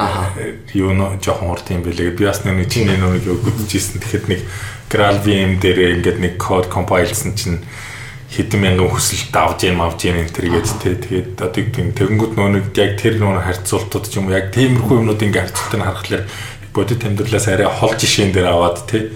Тэгээд чинь 10 мянган өсөл зэрэг авч ийн тэдэн секундэд хариу өгж байна. Окей. Гэхдээ яг наадах чинь ингээд цаана бааз тавиад ингээ ингээ ингээ тавьсны дараа яг тэгж авах уу гэхэлэр мэдэхгүй тий. Тий. Аа. Тэг яг ялч явах аппликейшны онцлогоо харж байгаа л сонголтоо яг болохгүй байхгүй юу? Би амар хурдан гэл хэцүү дээр яг аюу хурдан ажил програм хийсэн гэсэндээ ачаал нь ирэхгүй бол хайрна л юм л та тий. Тий. Тэгээд тэрийг сайн тооцохгүй болохгүй. Зүгээр тэр бол яг зүгээр нэг инженер хүний ч юм уу зүгээр хобби ч юм уу. Одоо нэг тийм уйдцсан хүний ч юм уу тийм. Одоо хязгаарлал нөөцийг ажиллаад яаж илүү олон хүслийг авах уу гэдэг л нөгөө нэг тийм л юм байгаа байхгүй. Тэмцэж яг бод амьдрал дээр ингээл цаг нааргүй ингээл аа хэдэн саяар орж ирэл хэдэн мянгаараа ингээл хүсэлт хүсэлт бүдээгээ тардаг тийм. Жиг тараад ингээл Тийм болохоор болохгүй бол хуйлаа тавьчих тэгээд скейл хийгээ тавьчих болдог болно шүү дээ. Яг скейлийг зардлаа хэмнэн гэдэг ч юм уу амар нарийн ч юм уу мөнгөндөө татан байгаа бол яг тийм хэрэглэх хэрэгтэй гэж магадгүй дээ. Миний санхүүгийн боломж ч юм айгүй муу байгаа тий. Байх юм бол тэгсэн дээр Тэрнээс ийш үүдээ амархан код бичихгүй хэцүү юм бол Python дээр JavaScript дээр хийгээл скейл хийж болдсон шүү дээ. Тэгэд одоо яг хөтэ ингээд хардверийн зардал нь бас хямдхан болцсон болохоор амар хурдан байх шаардлага бол байхгүй магадгүй нөгөө криптокаренси чинь блокчейн юм болно гэхээр ялж авах уу. Тэгсэн бол бүр компьютер интенсив юм. Тийм тэр одоо нөгөө мэдээллийн аюулгүй байдлын хангалттай зариудаар тийм компьютер интенсив нэмж оруулж штэ тий. Тим юм дээр магадгүй тэр одоо тэр Rust, Mast, Java дээр тий Go дээр хийвэл үр дүнд гарч ирнэ лээ ялчихгүй. А бид нар чинь бол хөөрхий нэг тийм амар ачаал алгүй нийзээ болоод байна. Өдөө энэ жаал хамгийн дуртай юм дээр хийж явж асаад дунд байхгүй байхгүй юу. Одоо Google Google одоо 10 байхгүй 7 хоног болоо ингээд 2 тэрбум контейнер асаад гэж байгаа байхгүй юу. тэнд бол яалч яахгүй үнэхээр бас гिचний хардверийн зардал хямдхан болчихсон ч гэлээ яалч яахгүй мөнгө шүү дээ тий. Тийм болоо да яг гөө мод дээр хийх хэрэгтэй яг. Тэг гөөг бас аяга амархан хийх гээд байгаа шүү дээ. Богино хугацаас сурч байгаа. Би ерөөсөө сонирхож сонирхож үзээгүй. Яг нь нэг яг юу гэдэг нөө scale буюу тэр нөө хамрах хүрээний проблем гэдэг чинь байгаад байгаа байхгүй юу. React Native дээр би нэг юм JavaScript дээр Java гэнэ JavaScript Java дээр жижигхэн код ичээд Android дээр нэг сайжруулалт хийчихгүй. Тэс нөхдүүд ингээ React Native дээр авчичаа. Тэгээ нэг 7 хоногийн дараа буцаац авахгүй миний хийсэн өөрчлөлтийг. Шалтгаан юу гэсэн чи React Native-ийг эхлэх хугацаанд дээр нэг хэдэн миллисекунд нэмэгдээд байна гэдэг ч аахгүй. Тэгэд наад чи ингээд нүг React Native-ийн ажиллагаанд хэдэн миллисекундээр ингээд удаан болгоод байгаа учраас буцаачлаа. Чи илүү сайн шийдэл болох юм бол окей тэр чи авъя гэж аахгүй. Тэнгүүтээ би ингээд та хэдэн сая хэдэн миллисекунд гэж бодож байгаа байхгүй. Тэгснээ нөгөөх нь нэг Facebook-ийн scale дээр явж шүү дээ. Тэрбум хэрэглэгчдэр хэдэн миллисекундыг ингээд тэрбум хэрэглэгчээр үржүүлэхлээр чи тэр чинь амар том цаг гарчиж байгаа байхгүй тий. Тэнгүү нөгөөдөлд ингээд айгүй хамаатай болчихж байгаа. А жирийн нэг үг нэг хитгэн хэрэглэгчтэй юм дээр ч юм уу хэдэн миллисекунд бол нэг мэдэгдэхгүй. Тэгээ Google одоо чиний яг түрүүний хэлдэг шиг Google ч юм уу Facebook ч юм уу бүр ингээл хэдэн мянган сервертэй хэдэн юмтай бол тэр чинь ингээл нэг жижиг юм дээрээс ч ихсэн айгүй том нөлөө гардаг юм шиг. Тийм одоо би толгой харимэр байгаа штэ. 7 хоног болгон 2 тэрбум контейнер асаад гэдэг байгаа байхгүй юу? Байгаа штэ. Ч одоо цогцоо цаг юм гэл хөвчтэй. Тэн дээр бол яалч авах мөнгө ярих болохоор тэгээд Go mode дээр хийх шаардлага гарахгүй багтай юм core юм-уудыг. Аа яг хэрэглэжээ харж байгаа нэр глобал юм хийхгүй бол очиргүй ингээл Go муураас гэж урагдах шаардлага байхгүй. Айл технологи илүү сайн мэдээ тэрэндээ аль нь илүү бүтээмжтэй тэрийг ашигласан дээр л дээ. Урт хугацаанд бол бүтээмж бас чухал шүү дээ.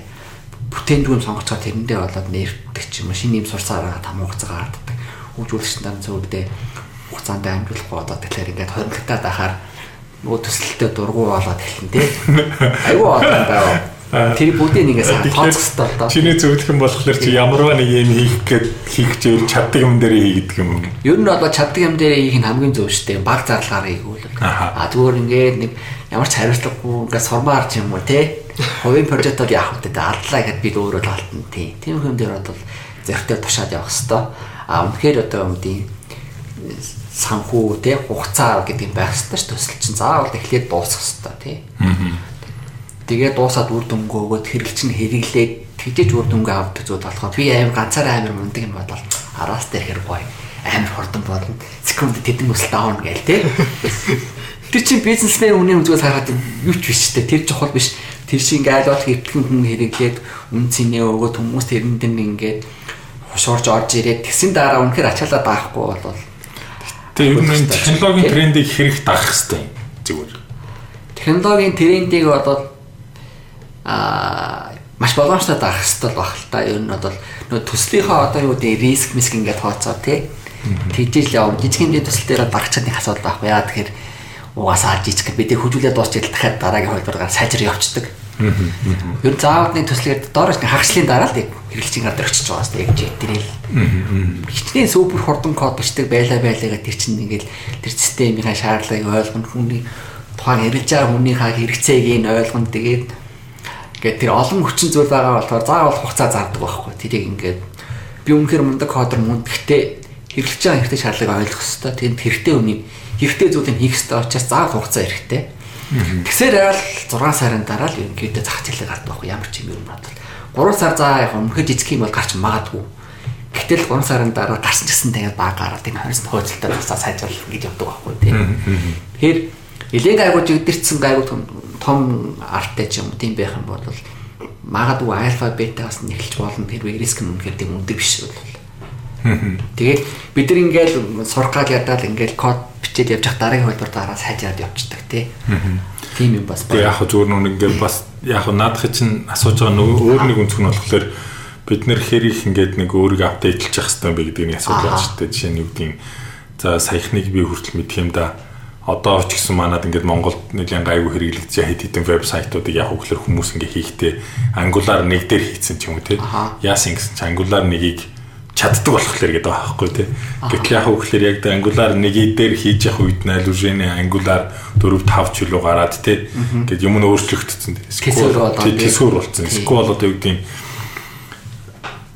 За нодын шинээр хийж ийснийг төсөл гээл тэгсэн чинь Laravel хэд дээр ч үлээ хийсэн. Нөгөө бүр 4 5 жилийн өмнөх ч үлээ те хөлбөр дээр нь хийсэн. Тэгээ яасан гэсэн чинь нөгөө 4 5 жилийн өмнө би ингээд Laravel дээр project эхлүүлээд тэнцэн ингээд нөгөө нэг юм бэлэн компонентууд бэлтцсэн тий. Нөгөөх нь ингээд апдейт хийгээгүй учраас шинэ Laravel дээр ажиллахгүй тий. Тэгээд би хуучин дээр нь хийсэн ч юм уу нэг одоо гэдэг нэг юм юм байгаад шүү дээ шин. За яагаад ингэ ийцэн гэхээр PHP мэддэг юм а гэл те нэг тиймэрхүү нэг юм хариултууд одоо бүр нэг амар их байгаа даа шүү дээ. Аа технологи нь болохоор ингээд PHP-гээс одоо гэдэг мэдгүй. Ер нь бол PHP жоохон сонирн болоод л хаш. Тэгээд нөгөө тэр яг үнэнэлтэй бас нөгөө тухайн хөгжүүлж байгаа community-ээр хараад документны хэрэг тэгээд хэр идэвхтэй хөгжүүлж जैन тэгээд road map-ыг харах хэрэгтэй тий. Road map-ыг ямар сар ерөөхдөө ойлгомжтой бол нь бол тэгээд өмнөх хөлбраа дэмжин дэмжихгүй энэ яагаад тэгэхээр ийм болохоо болохгүй ингээрээгээ те а тэгээд хэрүү тийм эрсдэл байгаа гэж бол мэдж байгаа бол сайн ойр ойрхон апдейт хийгээд аль болох шинэ хөлбөр гарахаар нь гэлс шинэ хөлбөрөөр шилжүүлээд биелдэгээ тест хийгээд CI/CD-гээ бэлдсэнд асуудал байхгүй шүү дээ тий. Тест код хангалттай авчигдсан бодвол үүнээс нь бид биелдэгээ CI/CD нэг цикл явлаа асуудалгүй болоо олцох хэрэгтэй тий. CI/CD нэвтрүүлсэн байгаа юу чи үйл ажиллагаанд. Манайх бод оруулсан байгаа бол нь бол А тэгтээ бичгдээгүй тест кодод мэдээж байгаа. Яг бол бидэрт нөгөө цаанаас тавьж байгаа шалан бойн хугацаанд маш хурдан одоо нөгөө бүтээтгүүнийг гаргаад хэрэглэгчтэй хүргээд тэгээд фидбек аваад хурдан хурдан сайжруулад явна гэдэг тийм юу бай. Бизнес шаардлага угаасаа тийм байхгүй бизнес. Тийм болохоор яг үндэ бол бас тийм тест coverage гэдэгтэй тест хам тест хамралт багтай кодууд яваад байгаа. Гэтэ яг хийж байгаа юмнууд нөгөө ийм том том юмар хийхгүй ойр ойрхон ингэж циклдэж явж байгаа гайгүй. болоод байгаа. Ер нь бол яг болж бол код тест кодоо сайн бичих нь бол зөөвөлтөө. Аа яг тэн дээр хэд нэг 20 80 гэдэг зарчим үз ямар ч юм дээр нэг 20% хамгийн чухал 20% хийцэн бат үлдсэн 80% аяндаа л гэдэг баг шүү дээ.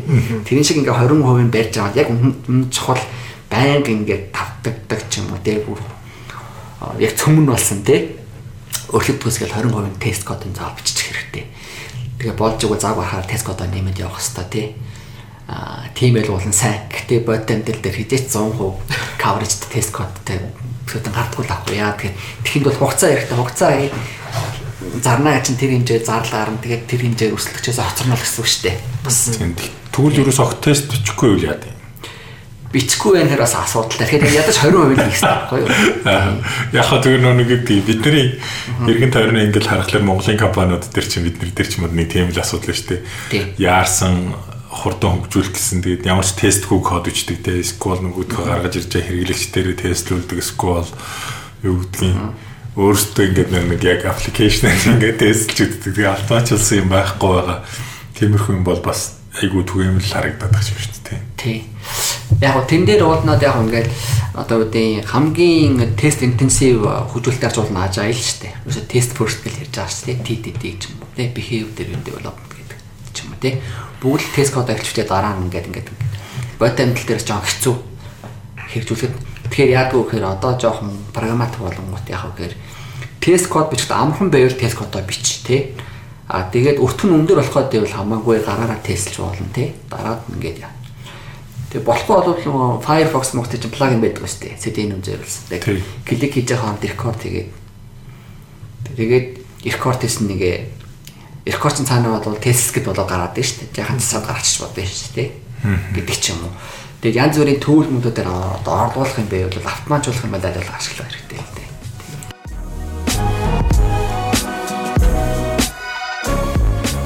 Технологийн тренд гэхэлэр одоо нөө microservice гэдэг байгаа тийм. Тийм бид нар ярих хэрэгтэй. Тэгээд microservice microservice гэдээ ярихаар бол Монгол бол жоохон тохиромжгүй тий. Монгол угаасаа тийм олон сервис биччихсэн, тийм олон сервис бичихгүй болохгүй бүтээгдэхүүн одоо нэг байхгүй нэг л санаанд лав байхгүй. Тэгээ а яг хуваагаад байвал болд юм шүү. Хуваагаад байвал болно гэсэн зарчим байхгүй шүү. Үндэ бодол тий. Тэг чин цаанаа болохоор за яг хөгжүүлэх нэгж, deploy их нэгж нэг хуваацсан байх юм бол яг өндөр найрамшилтайгаар скейлинг хийж болж байна тий. Гэхдээ ингээ одон хуваачаар хоорондоо тийч харилцах хэрэгтэй шүү дээ тий. Microservices нэг microservice нөгөө microservice дуусна. Хоорондоо ингээд мэдээлэл солилцсон, мессеж солилцоод олон microservice дамжиж аригч нэг транзакшн бүрддэг ч юм байх хэрэгтэй шүү дээ. Ядаж транзакшн чинь өөр бол rollback хийхэд бол авигцсан болчихж байгаа байхгүй юу? Microservice болгон өөр өөр орчинд ажиллаж байгаа учраас rollback хийх боломж байхгүй дууламж дараагаар. Тэгэхээр чинь өөр аргаар хийх болохгүй. Тэгэхээр rollback хийхэд зориулсан нэг сервис бичихгүй болохгүй болж байгаа шүү дээ. Тэр чинь өөр дахиад нэмэлт зарлц яг үндэ болоод тийм. Маначиг мандаг манач гэдэг шиг. Тийм. Тэгээд microservice-аас хамаар зарим microservice илүү өндөр ачаалттай байж магадгүй тийм. Тэгэхээр microservice болон ч өөр нэг нод болоо нод болон ч өөр scale байхгүй болоо болохгүй тий. Тэгэхээр ч олон инстансыг ингээд менеж автоматар ингээд ачиж тэгдэг юм байхгүй болохгүй шүү тий. Тэрийг яаж ийх үү тэгээд энэ бүгдээрээ хоорондоо яаж одоо ойлголцох вэ? Нэг нь өгчүүл яах вэ тий? Тэр өгснгийг нь яаж discovery хийн тий? Тэгээд circuit breaker гэд байна тийм үү? Өгчүүл тэр ихтэйгээ таслаад амьдаа орон явуулах хэрэгтэй шүү дээ. Амьдааг нь яаж мэдэх юм тийм Тэгэхээр чи ингээд нэг амар динамик юм болчихж байгаа сте тий. Хаана хин ингээ байгаа юу хийж чаддаг гэдэг имийг нэг нөхөр ингээд байнг ингээд бүтгэж аваа. За энэ нөхөр болвол хэрэглэгчийг бүтээдэг энэ болохоор одоо захиалгыг бүтээдэг гэдэг ингээд бүтгэж авчихсан. Энэ болохоор 3 хинтээс ажиллаж байгаа. Одоо ачаал нь борч борцохоор 2 болохгүй болохгүй гэдэг ч юм уу тий. Тэгэхээр энийг бүгдээр нь ингээ хийдэг шийдлүүд нь байхгүй болохгүй тий. Тэгэхээр чи амар цоошин технологи сурах хэрэгтэй байхгүй юу? Одоо консул ч юм уу юу ч юм тий жайгэр маягэр одоо тэгэл тэр одоо код ч амархан болчихлээ. Код бол амархан мэдээ. Нэг функшн бичээл тавтаа авна гоё тийм хөгжүүлэгч байвд. Тэр нөгөө DevOps инженерүүд амар их юм болох бодохгүй байгаа байхгүй юу. Тэрийг яаж ингээд deploy хийх олон хөлбөрийг яаж зэрэг аялуулах вэ те? Одоо mobile app ч хүмүүсэл юм гоё одоо mobile app чинь байн байн хурдан хурдан ирлээ хийж чаддгүй шүү дээ те. Native app бол яг хэцүү. Тэгэхээр чин одоо ашиглаж байгаа хэрэглэж ашиглаж байгаа хөлбөр чинь хуучин шинэ хөлбөр гарахаар шинэ бэкэндээ дуудахгүй бол алдаа гарч магадгүй шүү. Тэгээ хоёр хөлбөр ингээд зэрэг авч байгаа шүү дээ тийм үү. Вершн нэг нь энэ дээр байгаа, вершн 20 энэ дээр байгаад ингээд ингээд аюу олцуулах гарч ирэх байхгүй юм дээр бол. Код ч амархан одоо maintenance operation нэг жоо хэцүү байж магадгүй. Тэгэхээр operation-ыг нь хэлбэршүүлсэн төлөвлөнтэйч байгаа тийм Kubernetes ч юм уу. Тэгээд янз бүрийн tracing хийдэг төлөвлөлтийг бол сайн сурахгүй болохгүй ямар уршиг ч юм уу ямар одоо нэмэлт ажиллагаа гарах вэ гэдгээ сайн тооцоож л орохгүй одоо гоё гэдээ орж Харин эн чинь болохоор ч одоо нүг дагах уу байх уу гэдэг технологийн тренд байгаа шүү дээ. Одоо юу гэдэг нэг логодыг уншихлаар чи ингээд нүг Netflix ч манайх ингээ microservice гэл яриад баахан компаниуд дараад microservice руу ороод тэгэл нэлийн олон компаниуд бас явах шиг үл л дээ тий. Одоо энэ бол бас илүү ажил юм байна гэл. Тэгээ Netflix ч юм болохоор чинь microservice түрүүний нүг чиний хэлдэг шиг менеж хийхэд тулд нэг chaos monkey илүү те нэг юм үйлчилгээ дотор нь өөр дөр нэг сервис үж идэг те нөгөөх нь ямар ч хамаагүй сервис очиж маа унтраадаг нэг тийм сервис үт юм байл шүү дээ. Тэгэнгүүт нь өөр нэг сервис нь болохоор шууд нөгөөх нь зөрүүлээ өөр юм руу асдаг асаадаг ч юм ингээд залгаас хэлэгдэг. Тэгээд тэгэхээр танах ашиглаж байна уу microservice? Microservices болох уу яах вэ гэдэг тэгээд ингээд судлаад ингээд үзэхээр бол ийм юм хийх болохгүй гэдэг. Транзакшн яах вэ? Скейлингээ яах вэ? Тэгээд мониторинг гэж чухал юм байна шүү дээ. Тийм ачаал нь яаж яаж унтсан байна уу, амьд байна уу гэдэг. Тэр бүгдийг чинь трейс хийж явах хэрэгтэй. Тэгээд лог гэж юм байна тийм үү? Нэг инстанс дээр нь ингээд хүсэлт ирлээ лог унгаалаа тэр нь төвлөрсөн нэг логин систем байхгүй болохгүй болчих жоос тий. За яг нөгөө юу тийм лог сташ сташ ч юм янз бүр юм оруулж хэрэгж болох л байх. Дахиад тэр чинь судлан сорно тий. За тэгээд за лог шийдэгдчихлээ. Нэг хүсэлт нэг удаад нэг цэрүүдээс нөгөө удаад нөгөө нод дээр ирэхээр тэр хоёр чинь нэг хүний хүсэлтийн чинь өөртөө дагаад явах хэрэгтэй шүү тий. Тэгээд тэр чинь одоо веб аппликейшн заавал одоо сешн дээр stateful шүү дээ веб app ч юм бол тийм. Тэр stateful-ийг яаж хангах юм бэ гэх. Stateful болцохоор чинь нөгөө scale хийх хэцүү болно тий.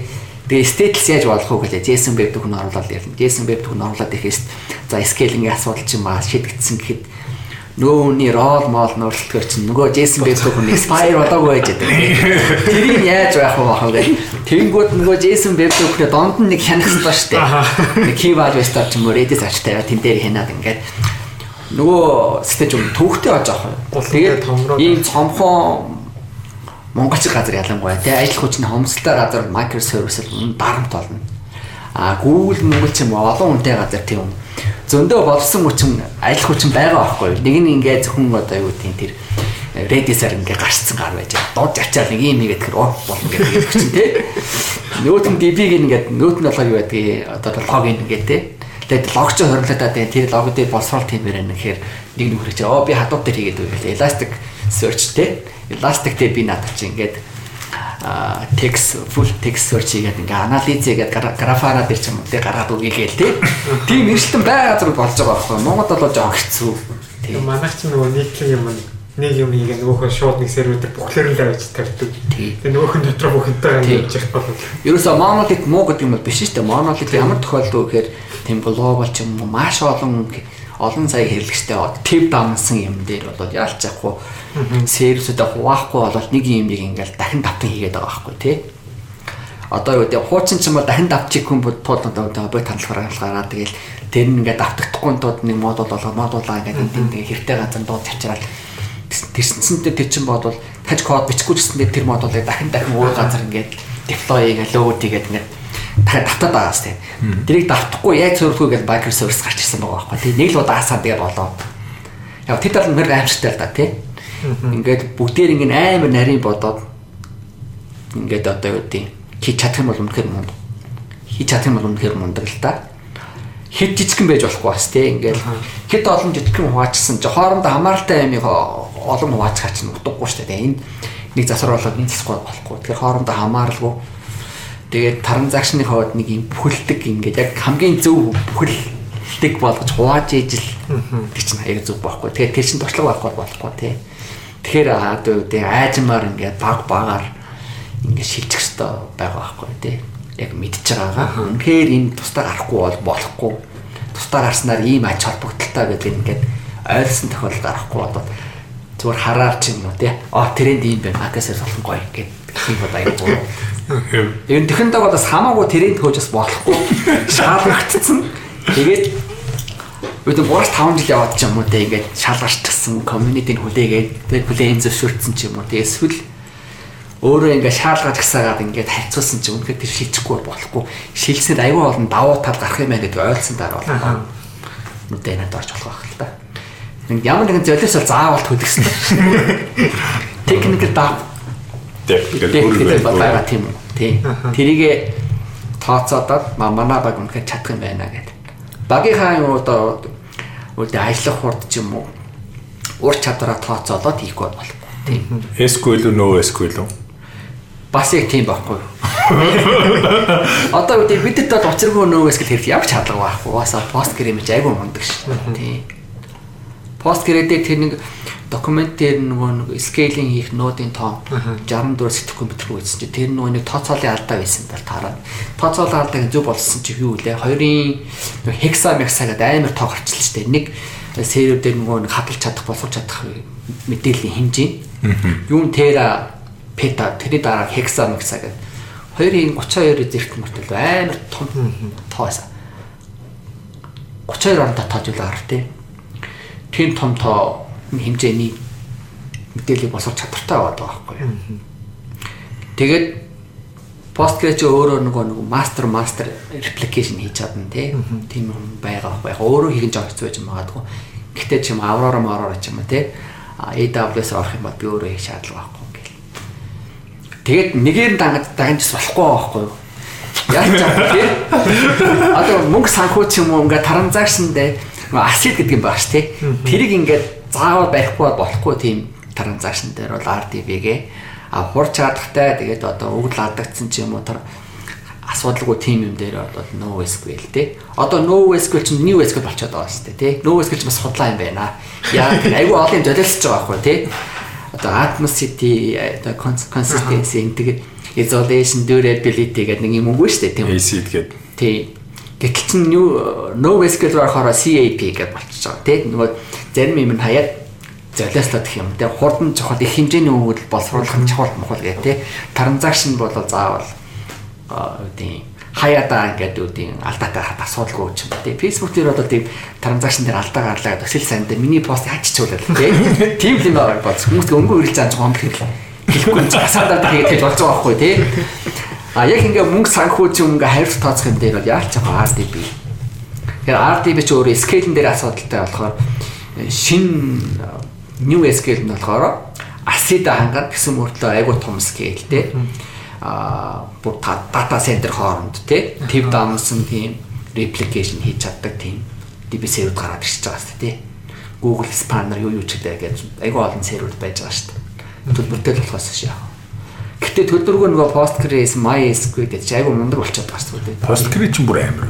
Ер нь бол би зөв сүлд бид нар чинь нэг database төр чинь болохоор MySQL ашиглаж аваад Mongo руу ороод тэгээ буцаа Postgres руу ирж байгаа байхгүй.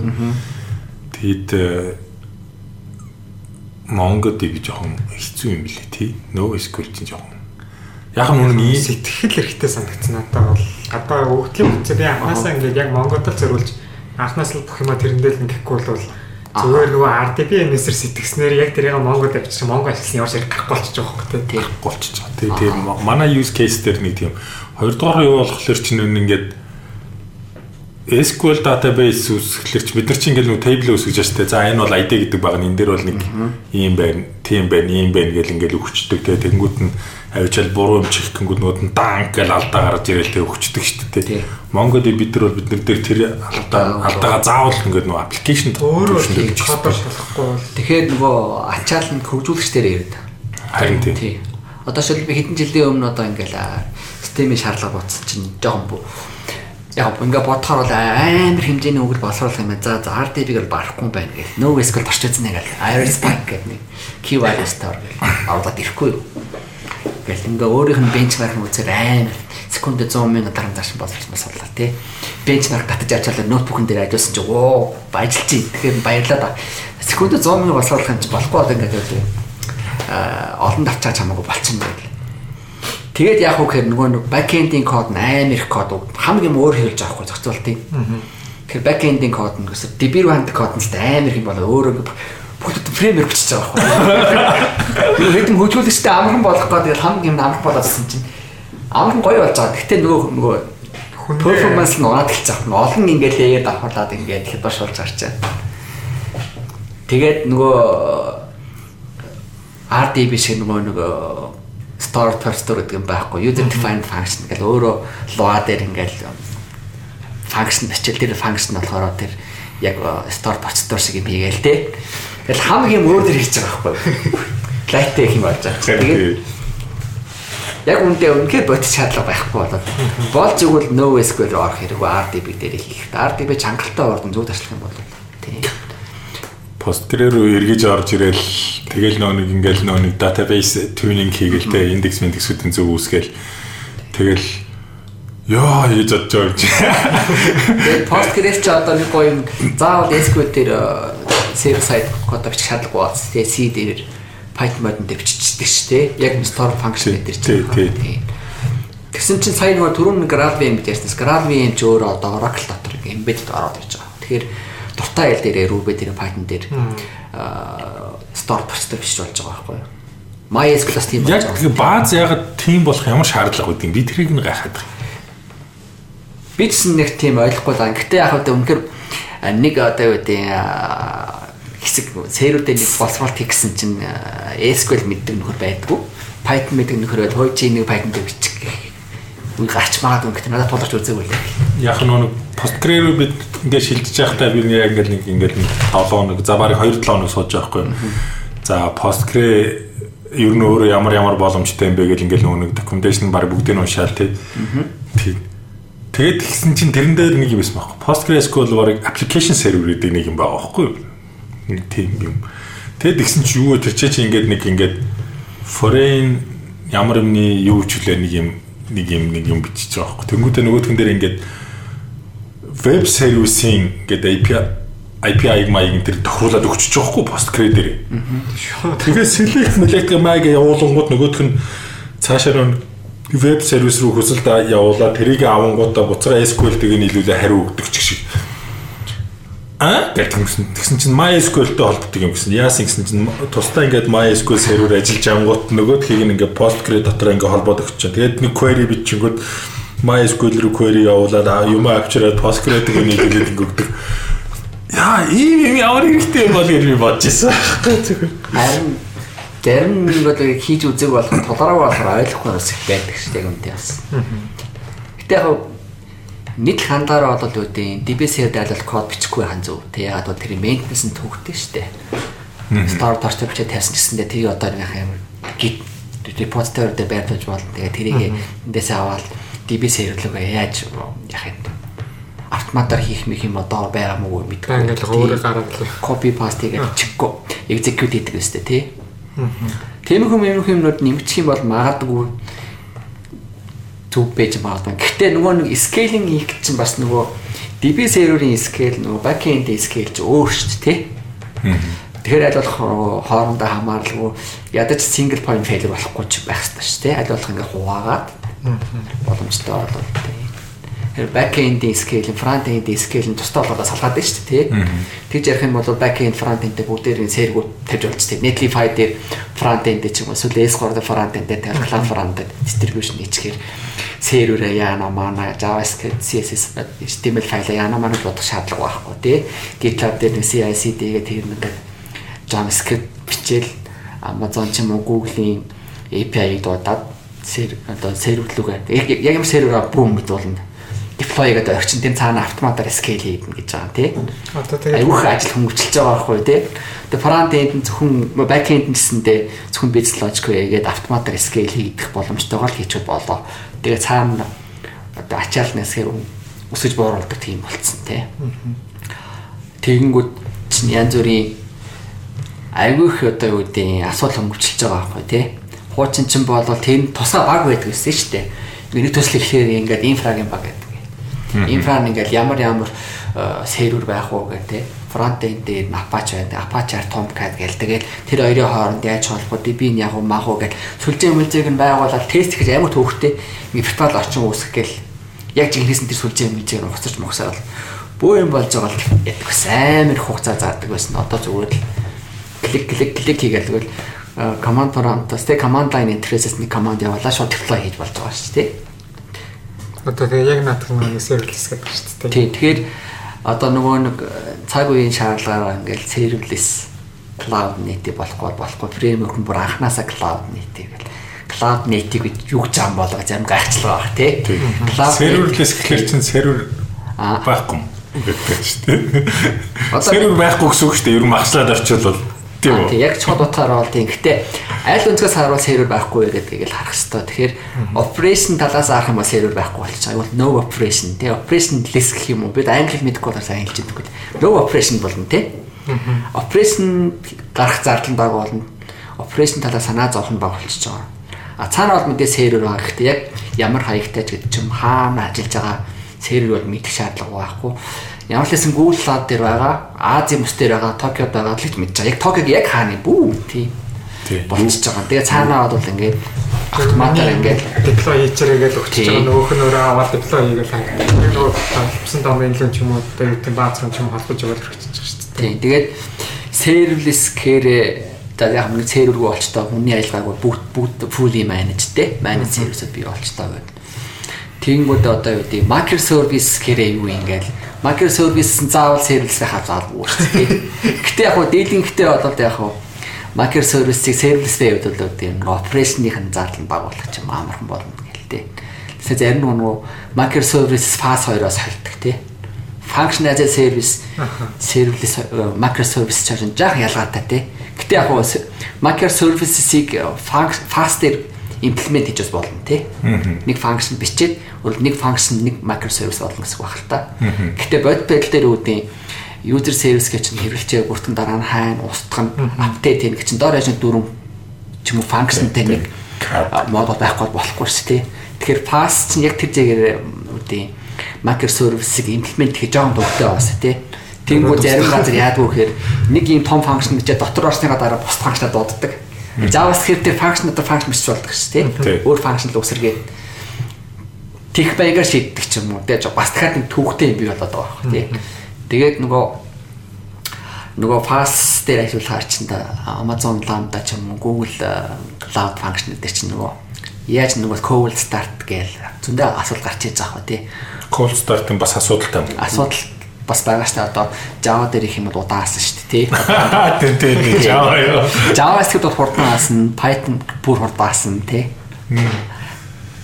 Гэхдээ бас нөгөө нэг Хэрвээ би асаагаад орцсон бахад илүү хурдан ажиллана шүү дээ тий. Тий, тий. Тэгээ тэрийг нэг warm up fix та тэгэхээр тэрний тулд одоо тэр serverless гэх юм өгöd өстэй.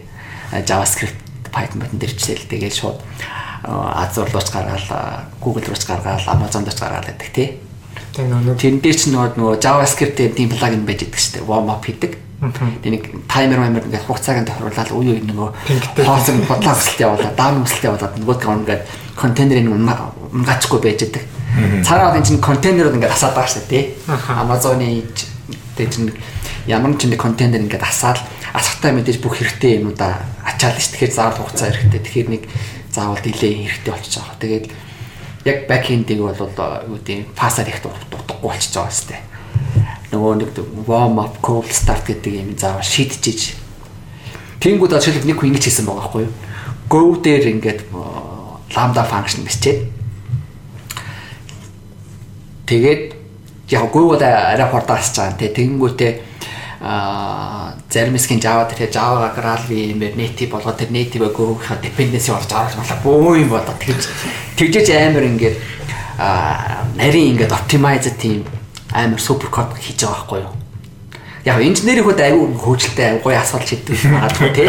Тэгээ тэр шийдэх үед амар юм болж байгаа хаа. Тэгээд бүгдээр ингэ тэр аргаар хийж болох болохгүй яа. Тэгвэл function function ч өөр өөр хийж байгаа. Өөрөө транзакшн хийж болохоор тэрэндээ тааруулаад тус бүр дээр нэг бол тийм өөрөө шийдэх болохгүй болчихж байгаа байхгүй. Зарим API хувьд тий. А тэгэхээр чи яг fast нь болохоор юу гэдэг event driven ч юм уу тий яг тийм real time хариу өгөх шаардлага байхгүй тий хин ингээ файл апплод гэхээр файл вирусын чек хийгээл эсвэл үүд юм зургийн хэмжээг resize хийгээл thumbnail бидээ тавьдаг ч юм уу тий тэр нь одоо заавал би шууд хариу өгөх хадгүй тийм хүм юм хөө нэг ойлт ингээ байц процесс марцс тийм хүм юм нэлийн томчтой байгаа байхгүй Тэгээд одоо шууд тэр нэг зарим хүмүүс ингээд ингээд Amazon Base Lambda-гийн ингээд нэг үнийн нөхцөл байгаа шүү дээ. Тэр нэг л эхний нэг сая өсөлт нь үнгүү гэж байгаа мөртлөө цаанаа одоо хэрвээ би үүдийн гаднаас пабликаас хандах боломжтой ихэнд бол заавал API gateway хэрэгтэй. API gateway чинь доороо сард 3.5 доллар гарах байхгүй. Тэгэхээр чинь заавал нь гарч байгаа байхгүй. Наа болохоор ингээд нэг бол нэг сая өсөлт тэгээд ингээд үнгүү тэг үнгүү програм баг хийж болно гэдэг байгаа байхгүй. Гэтэ яг үндэ ингээд би өөрийнхөө app дотроос дуудахгүй юм бол гаднаас ингээд HTTP өсөлт авахын тулд заавал API gateway-тэй API gateway чинь заавал эхний нэг сая 3.5 доллар заавал гарах байхгүй. Огт үнгүү бол яг биш байгаа л та. Тэгээд зарим хүмүүс болохоор тэр тэнд нь хууртаад чих юм уу тий. Яг эргэн тайванд ингээд тэр чинь дангаар ажиллахгүй байхгүй тий. Тэгээ заавал API gateway байж би лάμда гаднаас дуудана шүү дээ. Эсвэл би өөрөө нэг EC2 instance дээр нэг backend ч юм уу асаага тэрэн дээр хүслээрээ тэрнээс цаашаа lambda function дууддаг юм тий. Ингээд тэр бүгдээр нь ингээд цогцоор ингэж харж шийдвэр арахгүй болоод аа lambda гоё юм уу гэдэг гэж асуух батхгүй тий. Тий. Гэвч Google чинь сая нэг чин сервис гаргасан тий. Google Google Cloud ранчлаа. Тэр нь болохоор би дурын хэл дээр кодо бичээл Docker image deploy хийгээд болоод тэгэхээр тэрийг ажиллуулцдаг. Тэгэнгүүт ч одоо яг нөгөө native code гаргадаг програмт хэлүүд айгу одоо үн цэнтэй ч юм уу болоод эхэлж байгаа байхгүй юу. Контейнер асахын тулд хурдан асахын тулд одоо яалч авахгүй native code баг хэрэгтэй. Dependency баг багтай. Багастай тий гээд эхлэнгүүт чинь яг ингээд цанхаа бага иддэг хурдан асдаг гээл тэгэнгүүт л тэгэл go rust гэж яваад эхэлж байгаа байхгүй тий. Java аргаа аргуудаа VM гаргадаг ч юм уу тий. Тийм бол.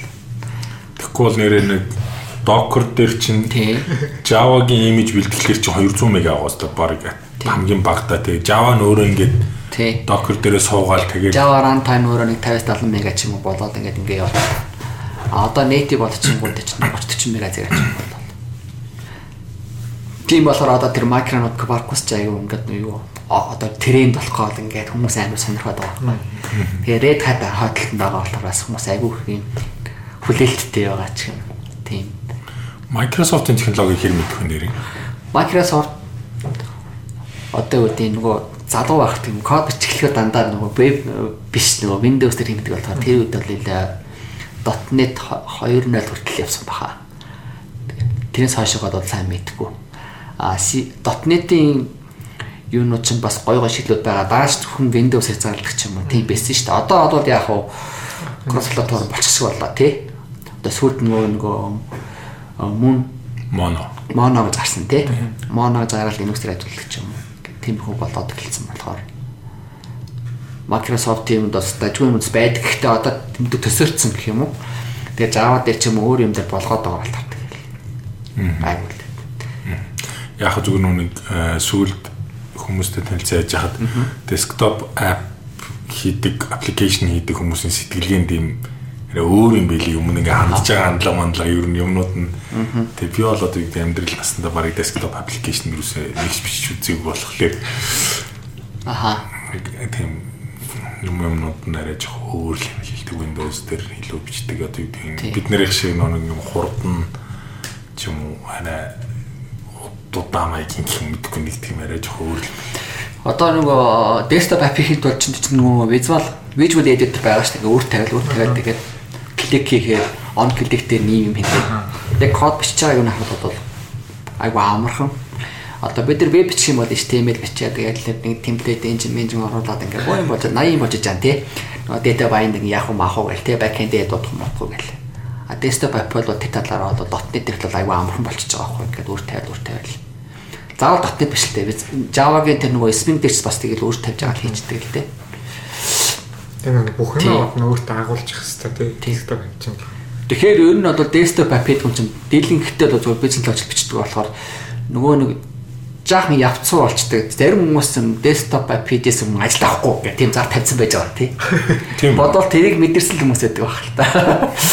Тэгээ нөгөө э, UI эдрээ ингээд ингээ хийж хийж мэдгүй те тэр ингээ амархан болцдог болохоор тэгээ desktop app-ын дээр ч учиргүй нөгөө нэг дизайн мизайн гэхгүй. Ингээд ерөнхийдөө нэг ингээд стандарт Windows дээр ороод ийм байхсаа дээдэлтэй ингээ минут нь ярааж явах хэвээр доотлоо статус бар байж явах хэвээр гэдэг ч юм уу те тэр мөр нь ингээ бүр тогтсон байдаг болохоор ингээ веб шиг ингээд чамд креатив юмдаа жоохон муу болчтой гэж магадгүй. Яг бид нар бэкэнд мэн хийчихсэн яг хаяа таны фронт end тэгээд өнгийн яг хоо энэ хэмжээний арай жоохон том байна мэн гээл тэгээд яаж респонсив болох юм болох вэ гэдэг арай жоохон креатив хийдэг шүү. Аа тэр desktop app дээр чи бүгдийг шийдсэн байдаг байхгүй юу? Тэ? Би зүгээр л аа нэг бат нуур тавилаа тэрний он клик дээр ийм юм хэвээр би нь болохоор тэгээд э одоо хуучин ODBC байсан те одоо ADO бах те мэдгүй тэрийг мэдгүй. DB ханд DB руу ханддаг нөгөө юм. ODBC-ийн нэг юм байгаа. ODBC-ийн нөлөөд. Тийм. Тэгээд сүүлд нь ODBC-г халаад .NET дээр чинь нэг ADO гарсан баха тий. Тий.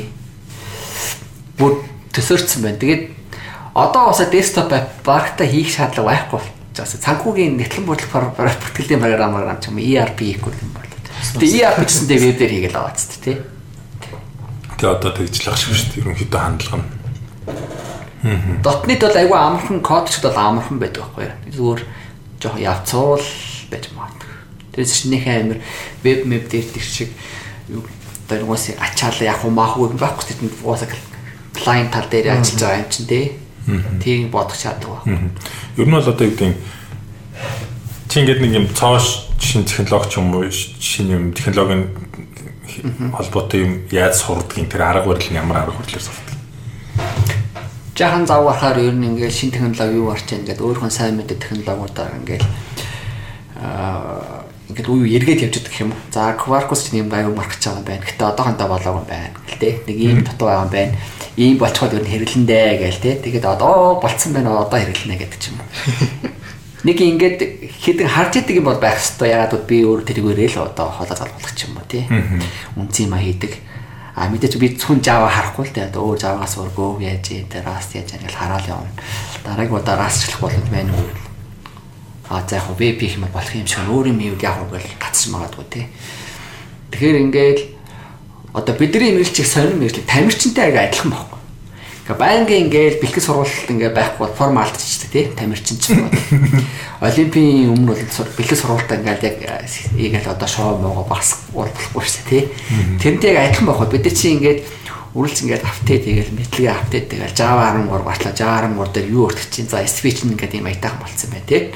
Speech expression-ийн үр дүнгээр return хийж болдог болцсон байна гэдэг ч юм уу тий. Graph юм гарчлаа ч юм. Virtual machine цаана нөгөө garbage collector нэм юм боломжтой болсон байна гэдэг. Нарийн нарийн бол байгаа байхгүй юу? Тэрийг ингээд мэдчих юм бол дараа нь одоо хэрэг болохгүй юм магадгүй л дараа нь ингээд нэг requirement гарч Тэнгөт дараад байдаг байхгүй. Аа тэндээ тим юм байгаа тэрийг ашиглаж болно гэд. Тэрийг энд нааш нь тэрийг энтэй ингэ ашиглаж болно. Энийг хооронд талбад ийм хийж болно. Хооронд нь интеграц хийж болох юмнууд гараад ирдэг. Байнгын тийм бэлтгэл сургуультай, тийм мэдээлэлтэй тэгээ тэрийг ингээ апдейт хийдэг хүн болвол гинт нэг юм одоо үүдийн цоорш юм орж ирэх юм бол зарим нь паникттай тий. Яг тийм биш хүмүүс бол бас явдгүй ш нь яг банк хийдэг юм бол хийгээл тэгэл өөр юм болж ирэхээр ингээд яахгүй тэгээд шинэ юм харахад нэлээ айгаа стресстэй ингээд айгүй их юм болж сурж байгаа харагддаг тий. Нөгөө ажайл биш байна. Тий тэгээд нөгөө цаг үеийн шаардлага ханхаа хоцордоод эхлэн тэр хүний ажил ажлын байр хомигдаал тэр хүний эрэл багасаал эхэлнэ шүү. Тэгэхээр бол яалцахгүй ингээл заавал гаруул ингээл уншаа судалж явах хэрэгтэй. Тэгээ шинэ юм байв татж авчраал аялуулж үзээл сорцын ингээ хараад Хиндээ бол татаж авчаал айдуулаа source code-ыг ингээд ингээд байхгүй болдгоо. Тэгээ документыг ингээд уншаад. Явандаа одоо шинэ юм гарлаа документыг нөгөөдгээд point-уудаа хараад өөрийнхөө яг за энэ бол ойлгомжтой ингээд ямар шимтэй ингэж хийж болдог. Тэгээ энийг яаж хийсэн болоо гэдэг чинь тий. Хэд ингээд шалгадаг юмтай болчтой. Тэрийг шалгаа шалгаад аа за тэр нь хангаж явал за энэ боломжийн юм байна гэл тий.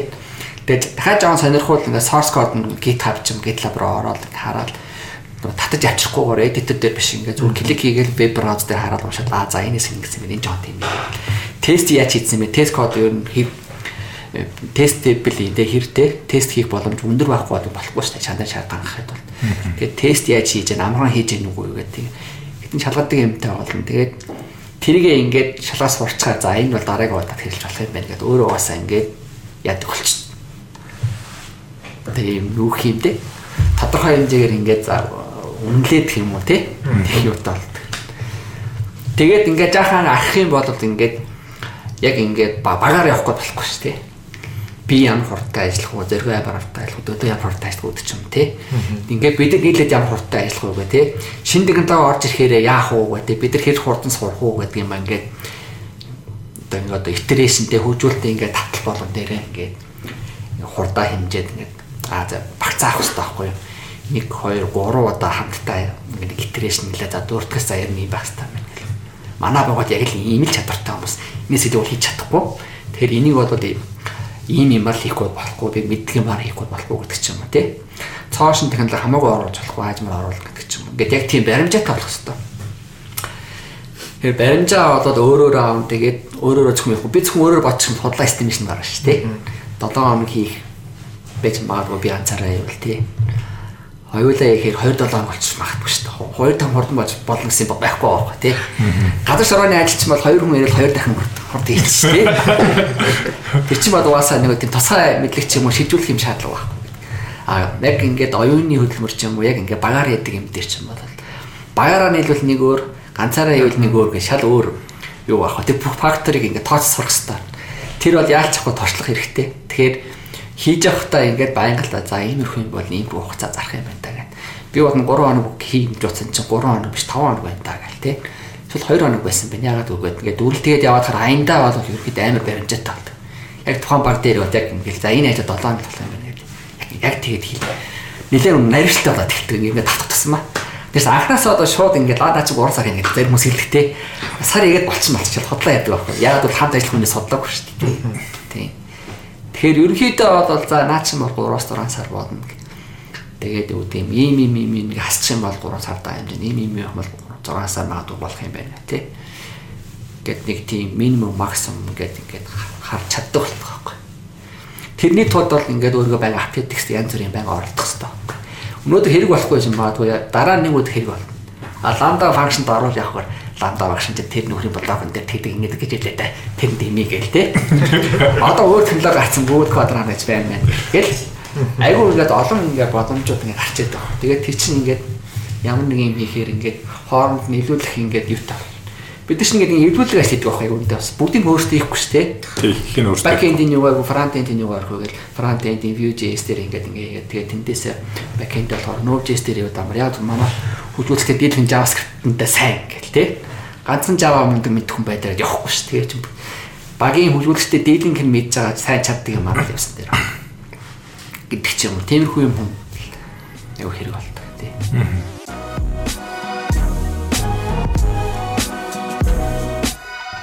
Ер нь бол яг сайн хөгжүүлэгч, муу хөгжүүлэгч хоёрыг юу ялгаад юм бэ? Нэг 2 3 хүн point ч юм байна. Сайн үзүүлж шүү, муу үзүүлэгч. Одоо ингээд тийм 19 жил ингээ хүмүүстэй ажиллаж штэ тий. Маш олон хүмүүстэй. Ялангуяа яг хөглөр за ганц Монгол биш Япон, Япон гэл амар олон хүмүүстэй ажиллаад үзчихлээ штэ тий. Тий. Сайн хөгжүүлэгч, муу хөгжүүлэгч яг яг за яг ийм байвал энэ бол гайгүй юм байна. Яг энэ ийм байвал таарах юм байна гэдгийг яаж мэд. За мэдээс гарч байгаа бүтээтгүн дээр яаж болно. Чанараар нь гэдэг юм даа. За энэ нөхөрийг бол жоохон гэдэг наривчлал багтаа 90 за 70 80% таа. Тэгээ энэ хурал 90% таа дайжгүйгээр тий. Тэр чинь нөгөө анх ингээ requirement-а сонсоод хэр ингээ нухстаа андаг харагддаг штэ. Дингүүл яг тэгвэл яг энэ чинь энэ дутуу аам шүү ингэхгүй болохгүйгээ тий. Тэнд ерөнхийдөө туршлагаар хийдэг л дээ. Гэхдээ буцаацаар юм нухстаа хүмүүс байдаг штэ. Бардам ингээл энэ өнгөцгөн хараад цаадлын дараа дараа чинь нүүдүүдийг харахгүйгээр ингээд хийдэг хүмүүс байдаг шүү дээ. Дараа дараа чинь нүүдүүдийг хараад requirement айгуу сайн ойлгох хичээж ойлгож байгаа хүн цаашаа бэнтэ хурд явна. Айгуу сайн ойлгосон мөртөө код бичээд уус байдаг л. Тэгээд энэ баланс нь алагдаад байдаг байхгүй юу? Зарим код сайн бичдэг. Гэхдээ нөгөө requirement-а нэг бодгүй ч юм эсвэл тэр жоо лайтай самдаа.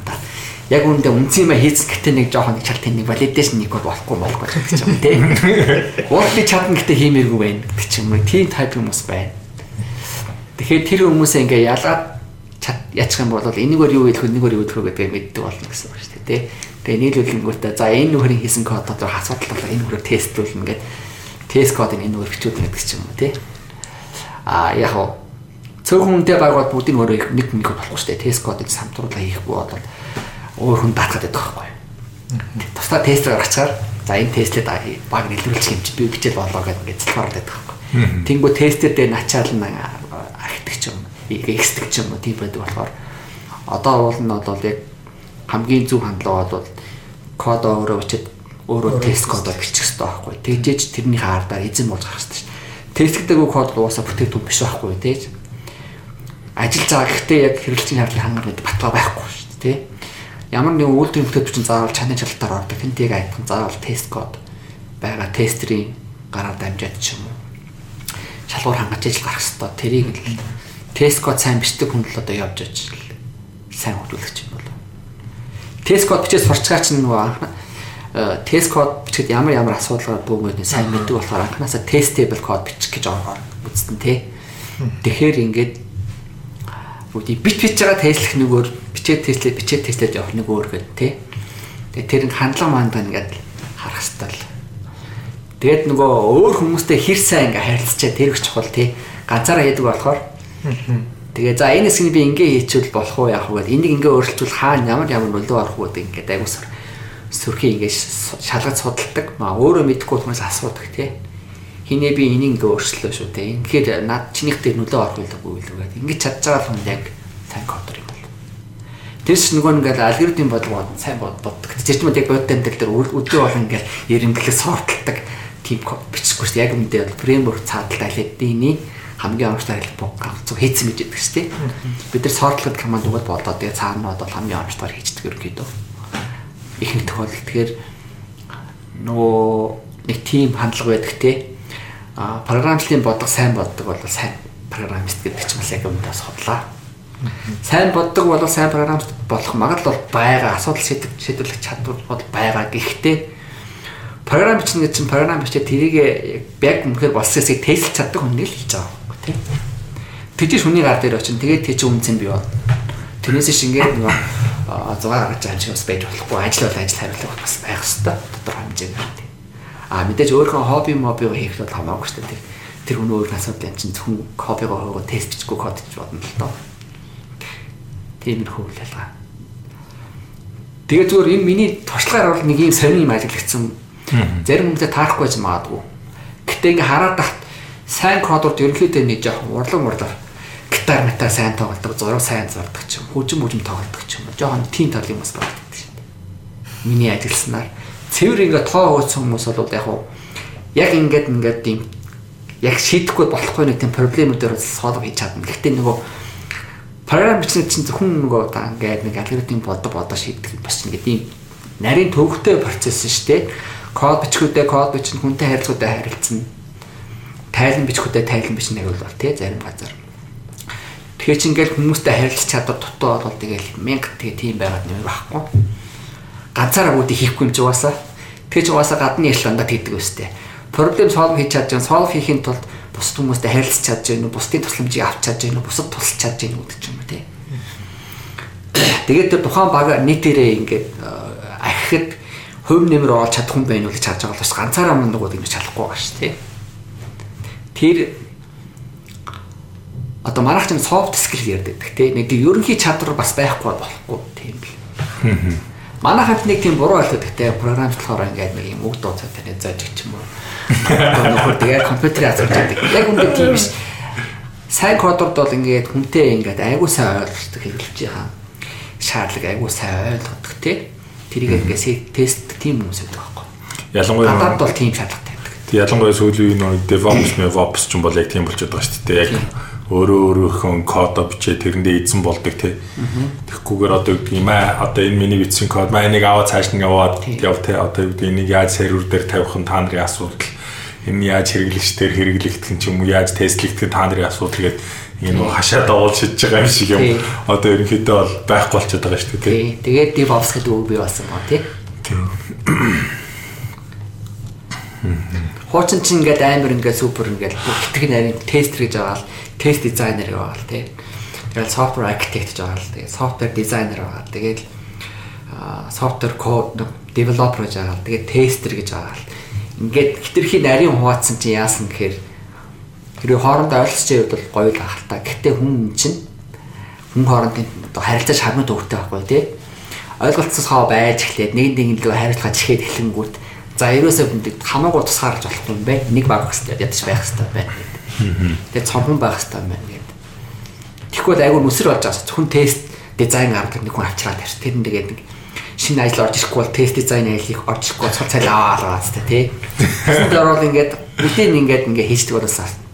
Тэгээ дизайн гаргаад яг өөрийгөө хариуцсан модулийнхаа дизайныг гаргаад кодоо бичээ, тестээ бичээ тэгдэг болоо болчихж байгаа байхгүй тий. Тэр чинь яг өмнөдөө бас lean тий, agile, agility нэг өндөр болж байгаа байхгүй юу? Илүү зардал гарахгүй яг л хийх ёстой юм хийн тий. Сүүлийн full stack ер нь зөв юм уу буруу юм уу нэр нь? Одоо ингээд нарийн ингээд салахгүй болохгүй болчихлоо шүү дээ. Амар UI UX чухал ч юм уу систем хөгжүүлэх гэж байгаа салгаас харах байхгүй. Бол би HTML JavaScript код бичиж чадна. Гэхдээ тэр нөгөө нэг UI UX-ийн ойлголт байхгүй тий. Ямар код одоо үүдээ user interface-тэй байвал хэрэглэс хэлүү хэрэглэхэд амархан байгаад яг одоо хийх гэсэн юм а хийх юм гэдгийг бол тэр яг эндээ бас айгүй мэдрэмжтэй тэр талаа нарийн нэрсэн хүмүүс одоо яг одоо би яг энэ ажиллаж байгаа компани дээр л айгүй сайн мэдрээд байгаа байхгүй юу урд нь одоо тийм ингээ хэрэглэгч UI UX нь чухал тийм юм хийж байгаагүй юм байна л да. Тэгэл өөртөө нэг ингээд өөртөө бодоод нэг хийцэн тэгээд болцсон юм шиг байна. Одоо хашаа давуулаа шидчихдэг байсан.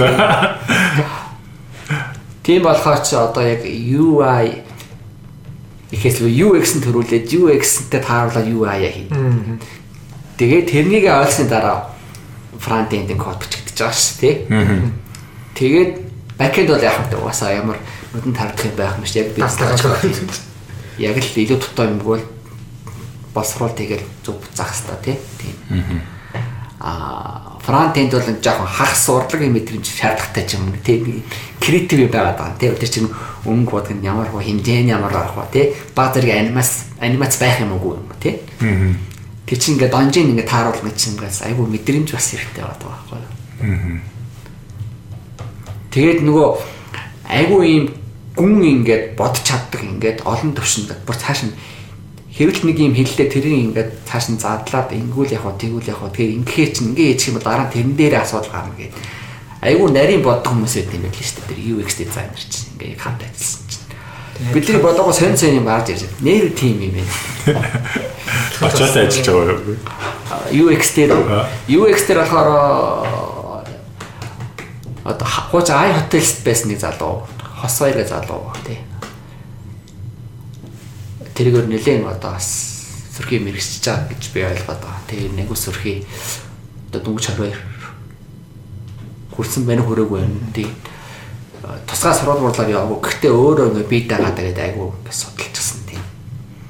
Айгүй мундаг сайн UX дизайнер болох нь гэж харагдаж байгаа тийм. Айгүй сөрхий ингээд бүр цаадах хардаг. Тэг цаадах цаадахтай олон давааны цаадах хараад байдаг. Бид нар болохоор бол амьдаа олон жил хийцэн гээд аа багийн мэдс бодож байгаа бол яг UX дээр ихээр жоохон байхгүй. Яг сервер тал дээр бол би яаж scale хийх вэ гэдэг ч юм уу тийм. Тэгээд сервисүүдэд яаж явах вэ? Ямар компаниудад болох вэ гэдэг чинь тэрийг бол яг ингээд гадарлаад байгаа. Тэгээ UI UX болохоор яалч явахгүй тэгээд мэдрэмж тусаад татаад байгаа байхгүй. Харин нөгөө юу Яг тэрэн зориулсан хүн байх хэрэгтэй байл да UX бол. UI энэ гэж бас яг бид нартэй адилхан нөгөө асуудлаа шийдвэрлэжлээ хүмүүсэлтэй.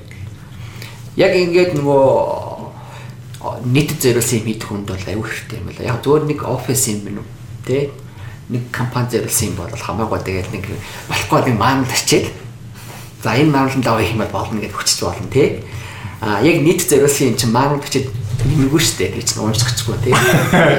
Уншчихгүй. Хм. Зэ зэ зэ зэ өөр чин ярих юмнууд юу болоод байгаа лээ. Тэр нь бол яг хөө зөв анх төлөвлөж исэн бүх юмудаа яриад болчихлоо. Бүгдэнд cover хийж гэж. Тий. За за. Цаг цаг 55 минут ярьсан байна тийм. Дахнаар дуусна юм тий. Дахнаар дуусна. Харин хэлсэн шүү дээ. Гараад яа тэгээд яваад яваад. Ерөнхийдөө залуучуудаа өгөх зөвлөгөө ч юм уу нэг тиймэрхүү юм. Одоо юу гэдэг мэдээж 19 жил код бичсэн тий 19 жил яг энэ донд явж байна. Одоо ер нь бол ингээл гарч ирж байгаа. Манай подкастыг сүүлд ингээ хүмүүстэй ярихад чинь залуучууд оюутнууд айгүй их сонсд юм бил. Залуу хүмүүс их сонсд юм бил. Зүгээр ингээл зарим нь ингээл хэд. За би Java сурах чинь яг ямар материал үзүүл дээр ямар номноос сурвал дээр үгээл. Уул нь бол сайн сурах гал бах та. Тэгэл хамгийн сайн ном юм ч юм хамгийн гоё хичээл болчих юм бол сайн сурчих гэсэн харагдаад. Тэгээд тойроод яваад байдаг. Ямар ч намаагүй нэг ном аваад ямар ч хамаагүй онлайн хичээл болвол супер болсон байгаа шүү дээ. Видео та доороо тайлбартай тэгээд бүр хажуудаа ингээд эдитертэй кодоо бичээ шууд ингээд браузер дээр ажиллуулаад бүр дүн гардаг тийм болсон байгаа байхгүй. Юу ч хамаагүй хийл бодож байгаа шууд барьж аваад тэгээд нэг ном аваад юу ч хийдэг тий. Хамгийн ойр юм аваад хийхэд ямар ч хэсэн чиний хамгийн ихний шаардлага хангах байхгүй тий.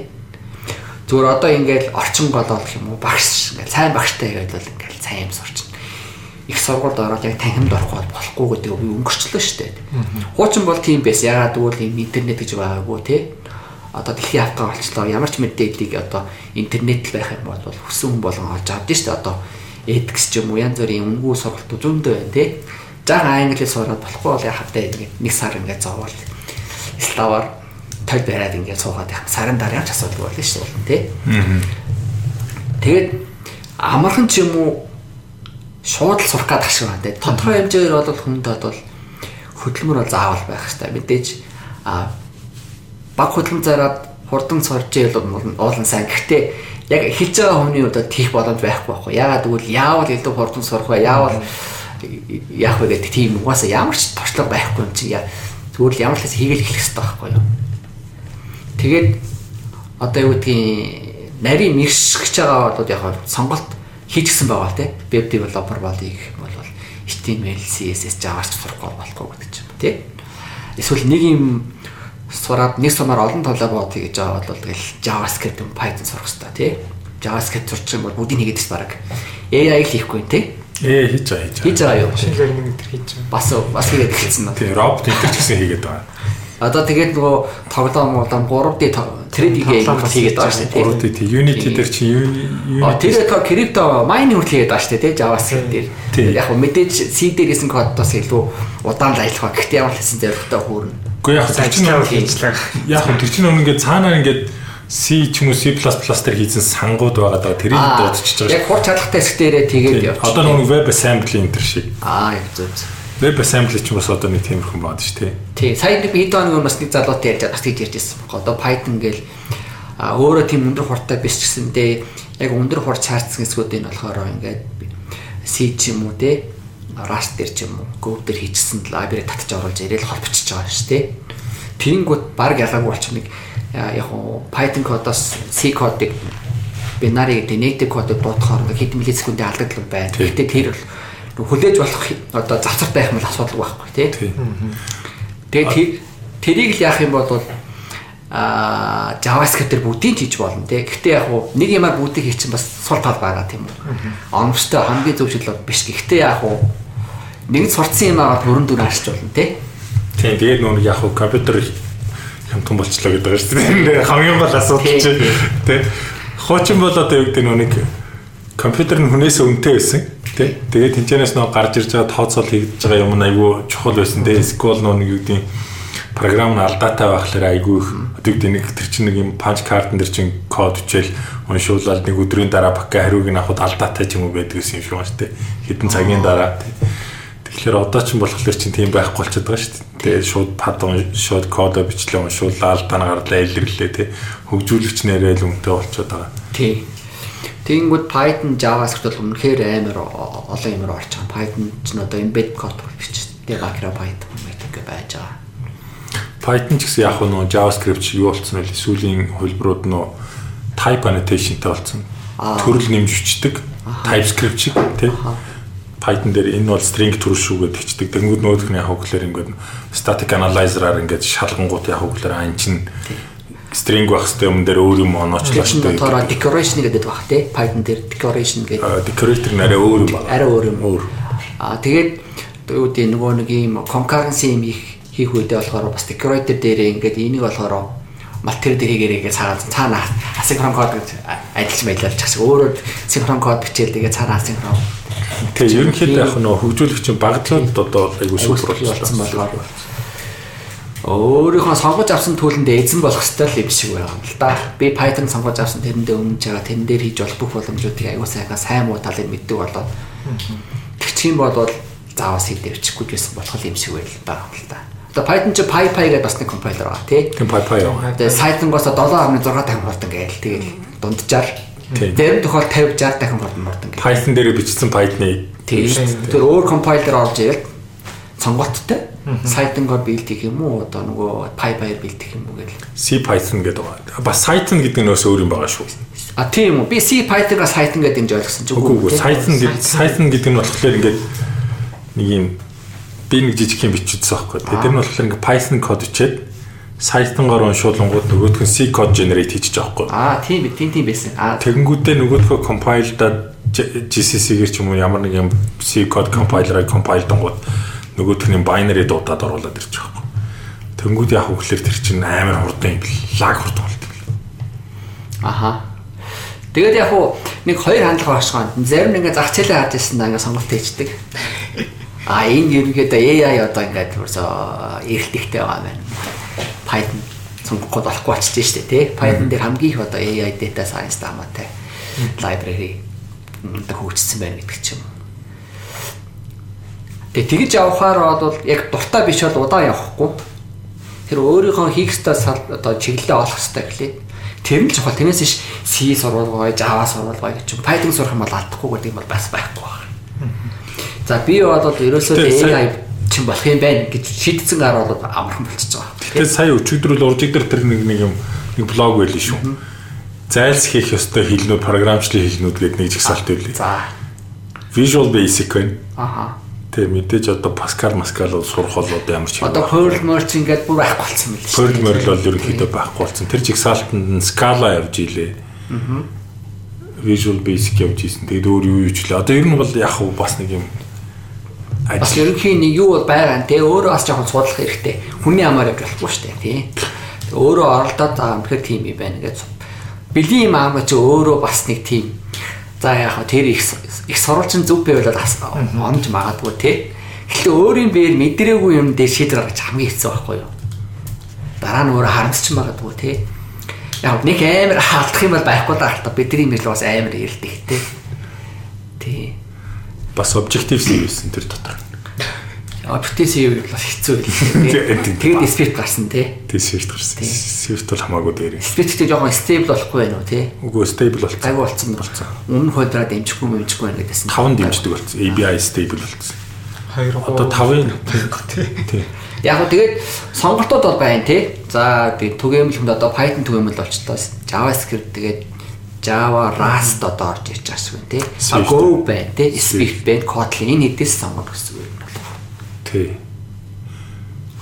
Ruby Ruby жоохон муу наадах шиг байна. Ruby болоод нөгөө community байхгүй болоод бүр анх зохиосон хүн гэсэн өөрөө баг буудагдсан байж байгаа юм шиг. Тий. Тэгэхээр тэр нэг сүүлд нэг Rust-ийн тухай нэг блог уншижсэн чинь л Ruby дээр код амар удаад байсан. Тэгэнгүүт нь Ruby-гээ дотроо ингээд Rust ашиглаад модуль бичээд явж ийснэ. Тэгэнгүүтээ тэр хэсгийг бүтэн Rust болгонгуудаа microservice болгоцсон ч шиг тий.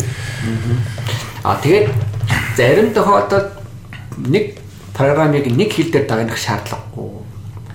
Буруу байх тохиолдол байна. Жишээлбэл бидний хийж байгаа систем дээр бол одоо яг backend-д дийлхэн Java ч гэлээ зарим хэсгийг одоо lambda function бичихгүй болохгүй болон Python дээр бичсэн ч юм байж байгаа байхгүй юу.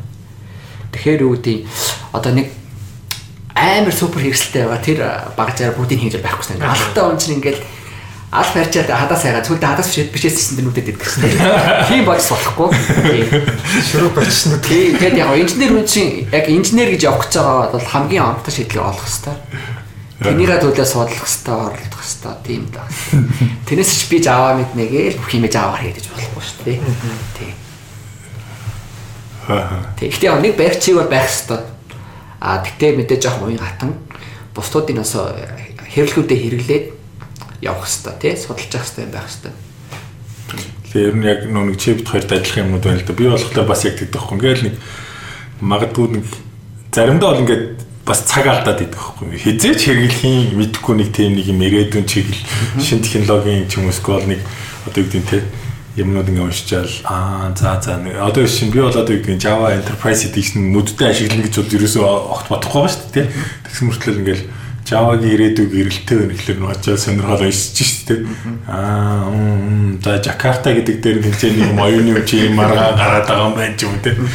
За энэ ингэж байгаа юм байна. Java-гийн 8 дээр нь Lambda орсон юм байна. 9 дээр нь тийм юм орсон юм байна. 10 дээр нь ингэж байгаа юм байна. Энэ төр гэл ингээл ингээл болоо болоо юмнууд уншаад ч юм уу заримдаа хэрэгтэй заримдаа ч хэрэггүй. Гэхдээ яг яг нэг юу гэдэг юм. За нэг тийм гэхэлэр хаа тэр чинь би хаана уншлаа гэлтэй. Ингээ баримжаатай болчихдог байхгүй. Ингээ харахгүй төрөхгүй л тэгэл Нэгийг бараад хэрэг тэд тийм байгаа гэл. За тэрийг дараа JavaScript Node.js-ээр хийсэн дээр байна гэл. Энэ бол за Python дээр ч болох юм байна. Тэгээд тийм үүтэй болчтой болохоор ингээд тийм ингээд том нь хараад амар байгаа. Заавал Java дээр болохгүй юм гэж тгүүлээд яхав дэ болохгүй Python дээр хийсэн дээр шүү дээ тий. Гэхдээ Java дээр болохгүй юм байт юм. Бараг байхгүй шүү дээ. Ер нь бол бараг байхгүй л дээ. Системийн програмчлал бичихгүй хийхгүй юм бол тий. Гайгүй. А нэг болдгүй юм болохоор мобайл app болдгүй байсан чинь Android дээр болсон тийм. Гэтэ iOS дээр болохгүй байна шүү дээ. Тэгэхэд iOS дээр болгодог болох боломж GraalVM гарснаар бас болж байгаа. Гарч байгаа. Яг хоо шалгах нь бол яг хөө Java ч ингээл нүсэр том ингээл гар утсан дээр арай томд момд ингээл шалтгаан хэлж байгаа юм л. Гэтэ орчин үеийн гар утас ч амар өндөр үзүүлэлттэй шүү дээ. Зүгээр л яг өөрчлөгчөл оруулахгүй л гэж шахаадлага байхгүй тий.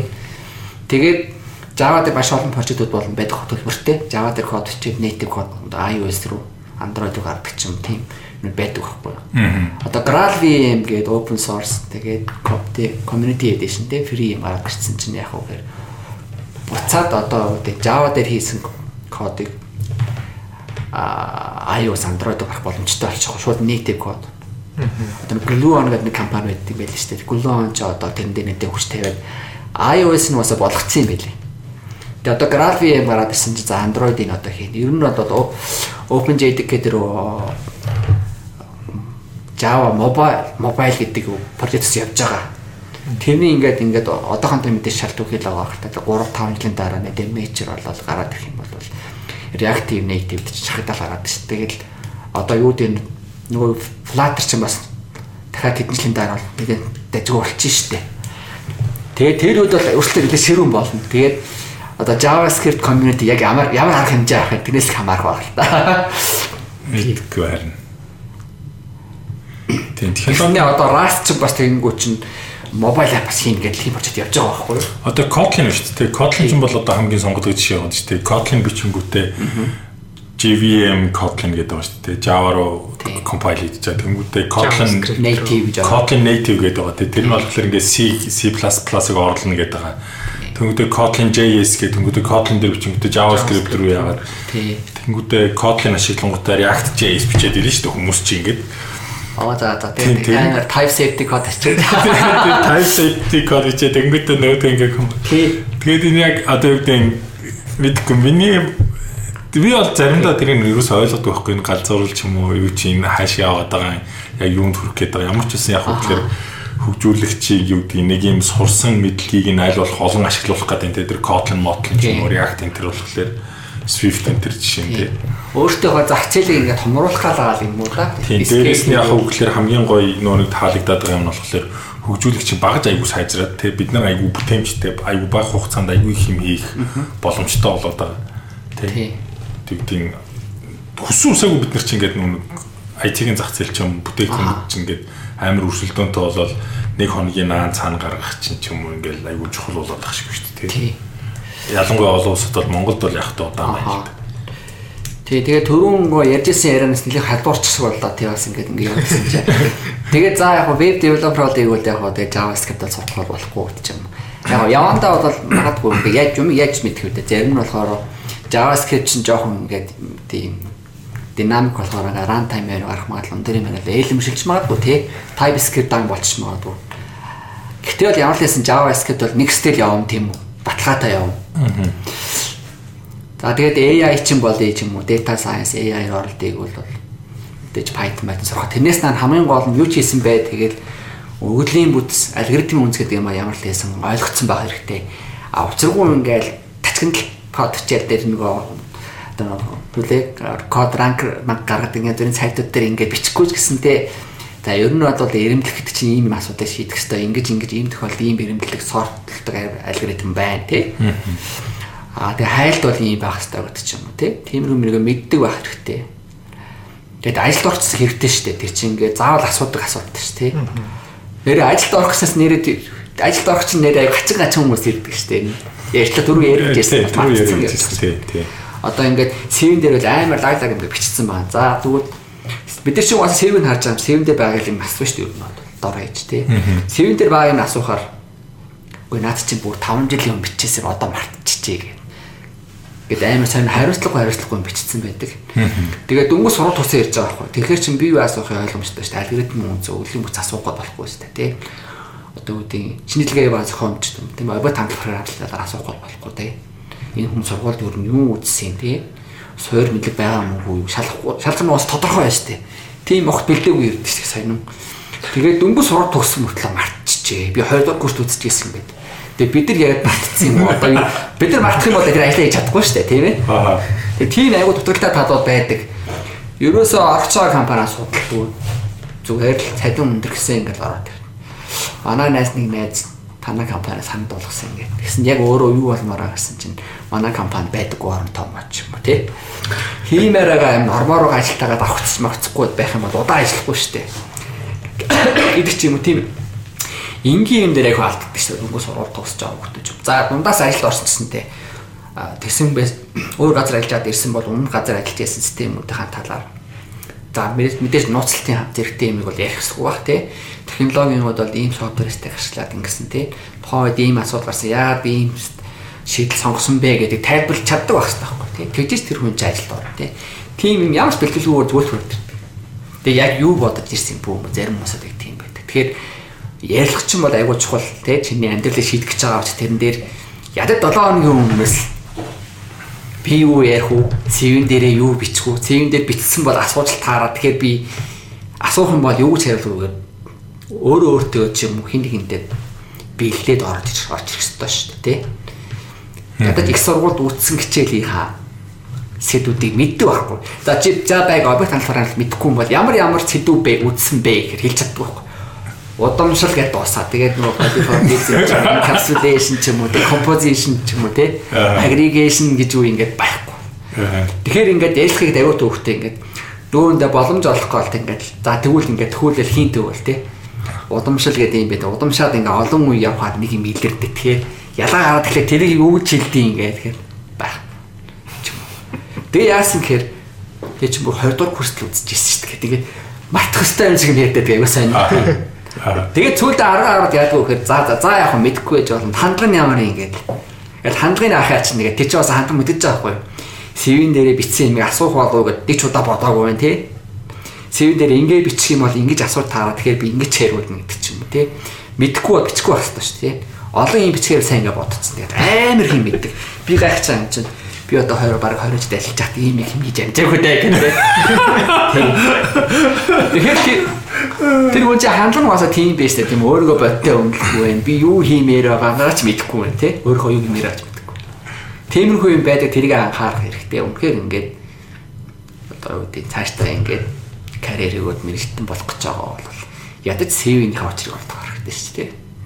Яг мэддэг юм аа тийм. Ерөнхийдөө л яг л тийм л байл л да. Би ч бас ингээд нэг ажлын ярилцлага барилга хүмүүсээс авахлаар гэдэг байхгүй. Ямар програмчлалыг мэдгийг хэлэхээр яг л чиний хэлдэг шиг нэг амар олон жих салт хэлнэ. Тэгээд тэгэхээр Nokia за тэгээд түл тэгээд Java гэж дунд нь байна шүү дээ. Тэгээд тэгэхээр нэг Java хэр сайн мэдэх хэлэхээр гайгүй сайн мэддэг шүү гэлдэг. За static static бишийн хооронд ямар ялгаа гэдэг хэлэхээр чи юу лээ? Мартчихжээ л гэдэг байхгүй.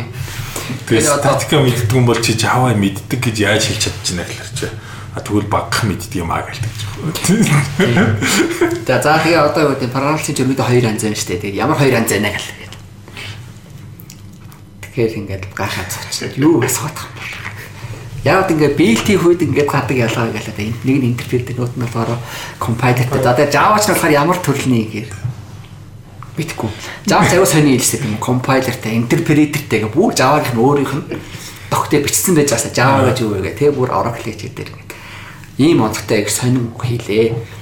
Ерөнхийдөө хэд бол нэг бол компайлертай нэг бол интерпреттэй байдаг. Гэтэл Java болохоор аль аль нь байдаг гэх тий. Тэгээ virtual machine гэж юм байдаг. Virtual machine дээрээ runtime optimization ч юм уу тий garbage collection гэдгээр хийдэг мэддэг гэх. Тийм юм мэддэг гэж би Java мэддэг ч хэлэхгүй болохгүй шүү дээ тий. Зүгээр syntax-ийн яриад яваад бол Java ч бараг C-тэй адилхан гэх C-тай адилхан. Тэгээ ялгаа болчихсон шүү дээ тий. Хэмэжтэнгээр иймэрхүү юм дээр анхаарах хэрэгтэй юм болов уу тий. Ажлын хэрэгцээ тийм. Би бас нэг тэр нэг Америкт ажиллаж исэн гэдэг нэг залуутай уулзаад хоолнд орсон ч хардаг гэсэн юм. Ажилдаа оног ил ирэхлээр ерөөсөө CV цагтаач ирдгүү тий. Дандаа хот сурж ирнэ. Тэгээд эрэхтэй CV-н дээрээ удлаа юмаа бичиж ирдэг. Тэгээ бичсэн юм асуухлаар мэддэггүй өстөө монголчууд аягүй сони юм бэлээ гэд бас гадаадд олон жил ажилласан бас нэг залуу. Тэгээд хоцорж ирчээд уушлал гойд. Эсвэл хоцорч байгаа бол уушлаараа би төвжрэлд оршлоо уушлаараа би 30 минутын дараа хоцорч очно гэж юм бол ойлгох шүү дээ. Тэгээд тэр хооронд юм зохицуулаад ингээд. Тэр тийм юм ихгүй эсвэл таг болчих. Яас гэсэн чинь би хөдөө явж байна. Чи өчигдөр маргааш ингээд 12 цагт нэг цагт ирээд ярьсан доор гэсэн яас гэсэн чинь. Үгүй би яаралтай ажил гараад тэгээд тэр сайн тийм яарч хөдөлөлт байхгүй. Тэгэхээр ямар нэг юм төлөвлөлт дүү тэгээд хариуцлага хүлээдгүй хувийн зохион байгуулалтгүй бол яаж бусадтай хамтарч ажиллах вэ гэж шууд бодогдож байгаа байхгүй. Тэгэхээр чин тэгэл тэр хүн чинь ерөөсө цаашаа ерөөсө ярьцлага хийхээр айгу болохгүй тэгэл худлаа янз бүр асууд за за за яа дараа хариу хэлнэ гэж гарч байгаа байхгүй. Тэр одоо Мгэр би айл хийгээ цалин авах гэж байгаа. Өндөр өндөр цалинтай ажилд орохыг бүгд л хүсэн ш. Тэгж байгаа бол ярилцанд орохоосоо өмнө тэгээд яаж би ярилцсанд орох юм бол нөгөө талдаа таалагдах уу гэдэг ч юм уу тий. Ядаж тийм юм бодно гэсэн хүн юм тий. Тийм байх хэрэгтэй байна. Тэгээд тийм урсгалаараа өсөй байж болохгүй. Тий. Одоо гадаа ч гол ялгаан тэр л байгаа шүү дээ. Нэг тийм тарих толгой нэгэ тусгай ингээд тийм ус биш. Ерөөсөө ингээд багасаа сурсан юм тэр байхгүй тий. Юм тарилгатай ханддаг төлөвлөгөө тий. Тэгээд юу гэдэг юм бусдыг ингээ ойлгоно, өөрийгөө ойлгуулна. Тэгжээж ажиллаж явна гэдэг үүр ингээд баг тусандаа шингээд ойлгочихсон тийм хүмүүс идэх болохоор одоо байгаа чадвар нь бол муу байж магадгүй гэхдээ тэр нөгөө нэг ингээд нийгэм нь ингээд тэр хүнийг ингээд бойжуулаад тийм болгоцсон болохоор сурах чадвартай.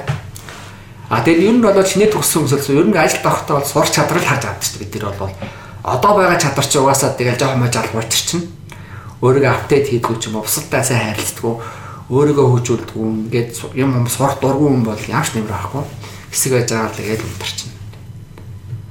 Тэгээд ялангуяа ингээд хөгжүүлэгч болох гэж байгаа бол ер нь яг шин царууг юм шин юм сурахт айгүй дуртай.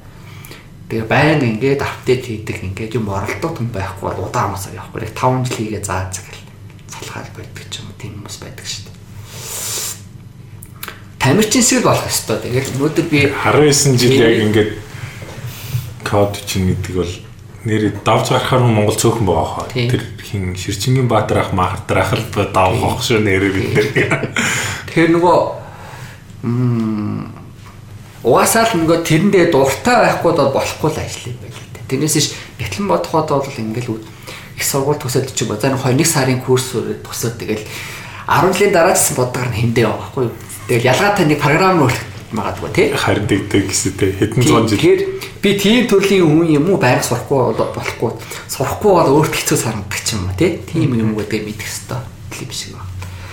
Уул нь бол бидний мэт амар гоё байнга шинэ юм сурна. Шинэ юм сурцсан уул нь бол тархинд амар гоё кайф тахгүй. Хүний тархи чинь ингээл шинэ юм сурахаараа нэг юм чаддаг болохоор ингээл амар гоё тийм нэг тийм төсөөлсгүй нэг тийм мэдэр төрдөг шүү дээ. Нэг програмны ард гараад нэг тестний ард гарангууд. Ингээл юу ч ингээ 10 орны хэрэглүүл чадaltaй хийж болоо. Яг тийм л одоо хүн байж ижил энэ мэрэгдэр удаа юм. Тийм тэрнээс ш зарим хүмүүс болохоор сайн хүртэл юм болгохтойс 30 гараа толгой ажиллагаа болно гэх тийм. Би энэ ажил 35 хүртэл хийн. А ингэдэг байхгүй юу?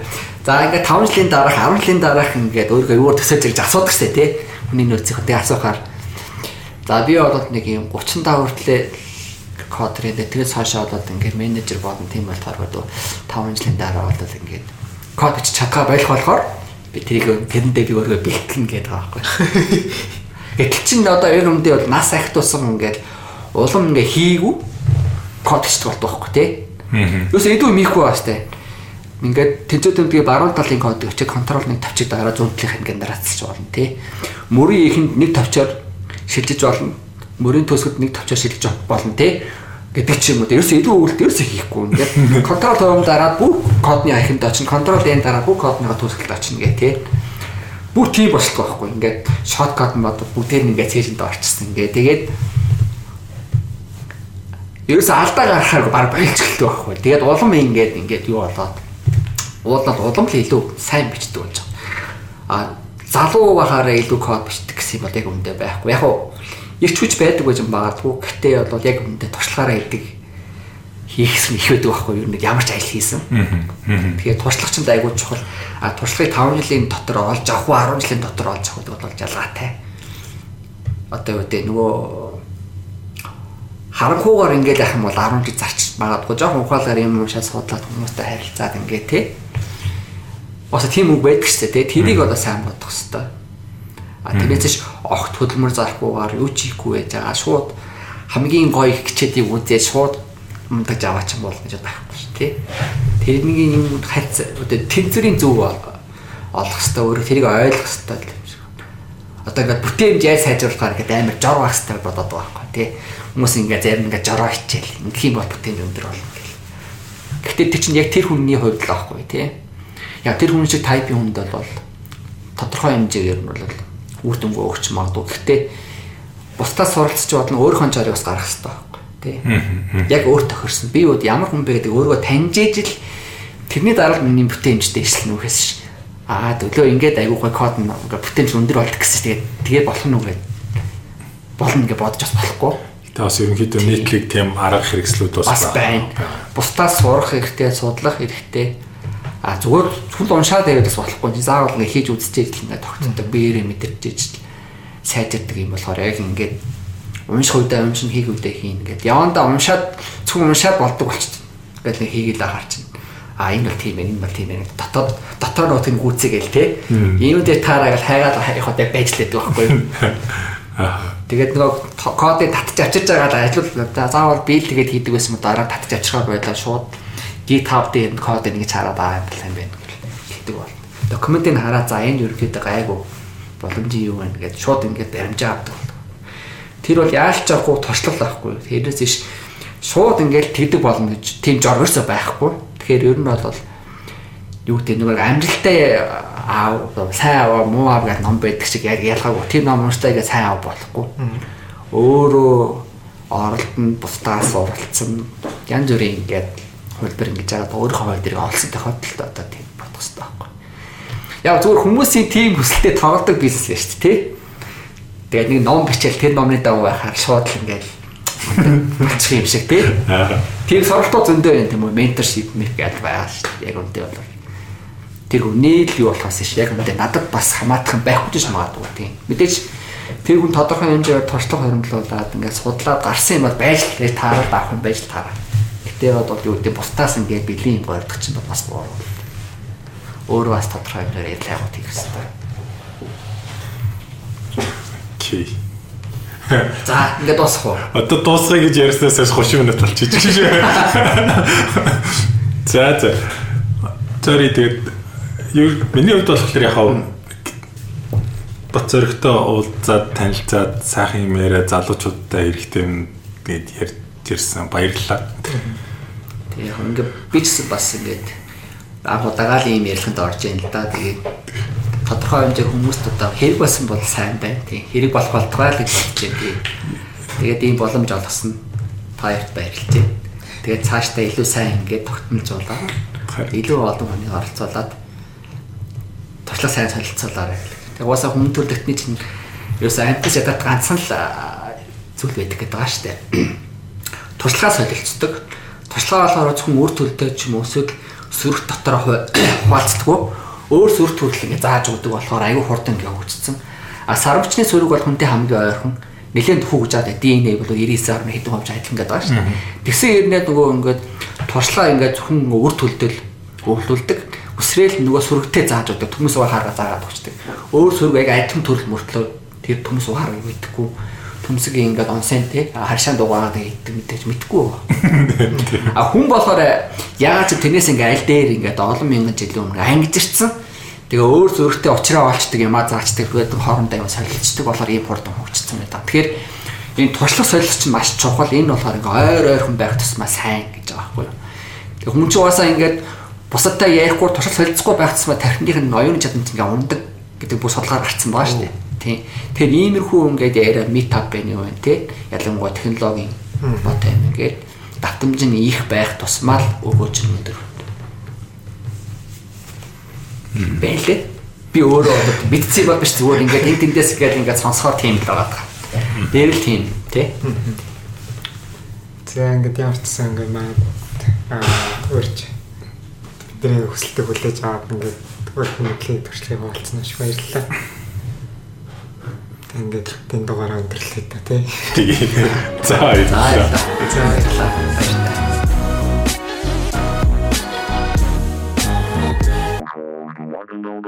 Just running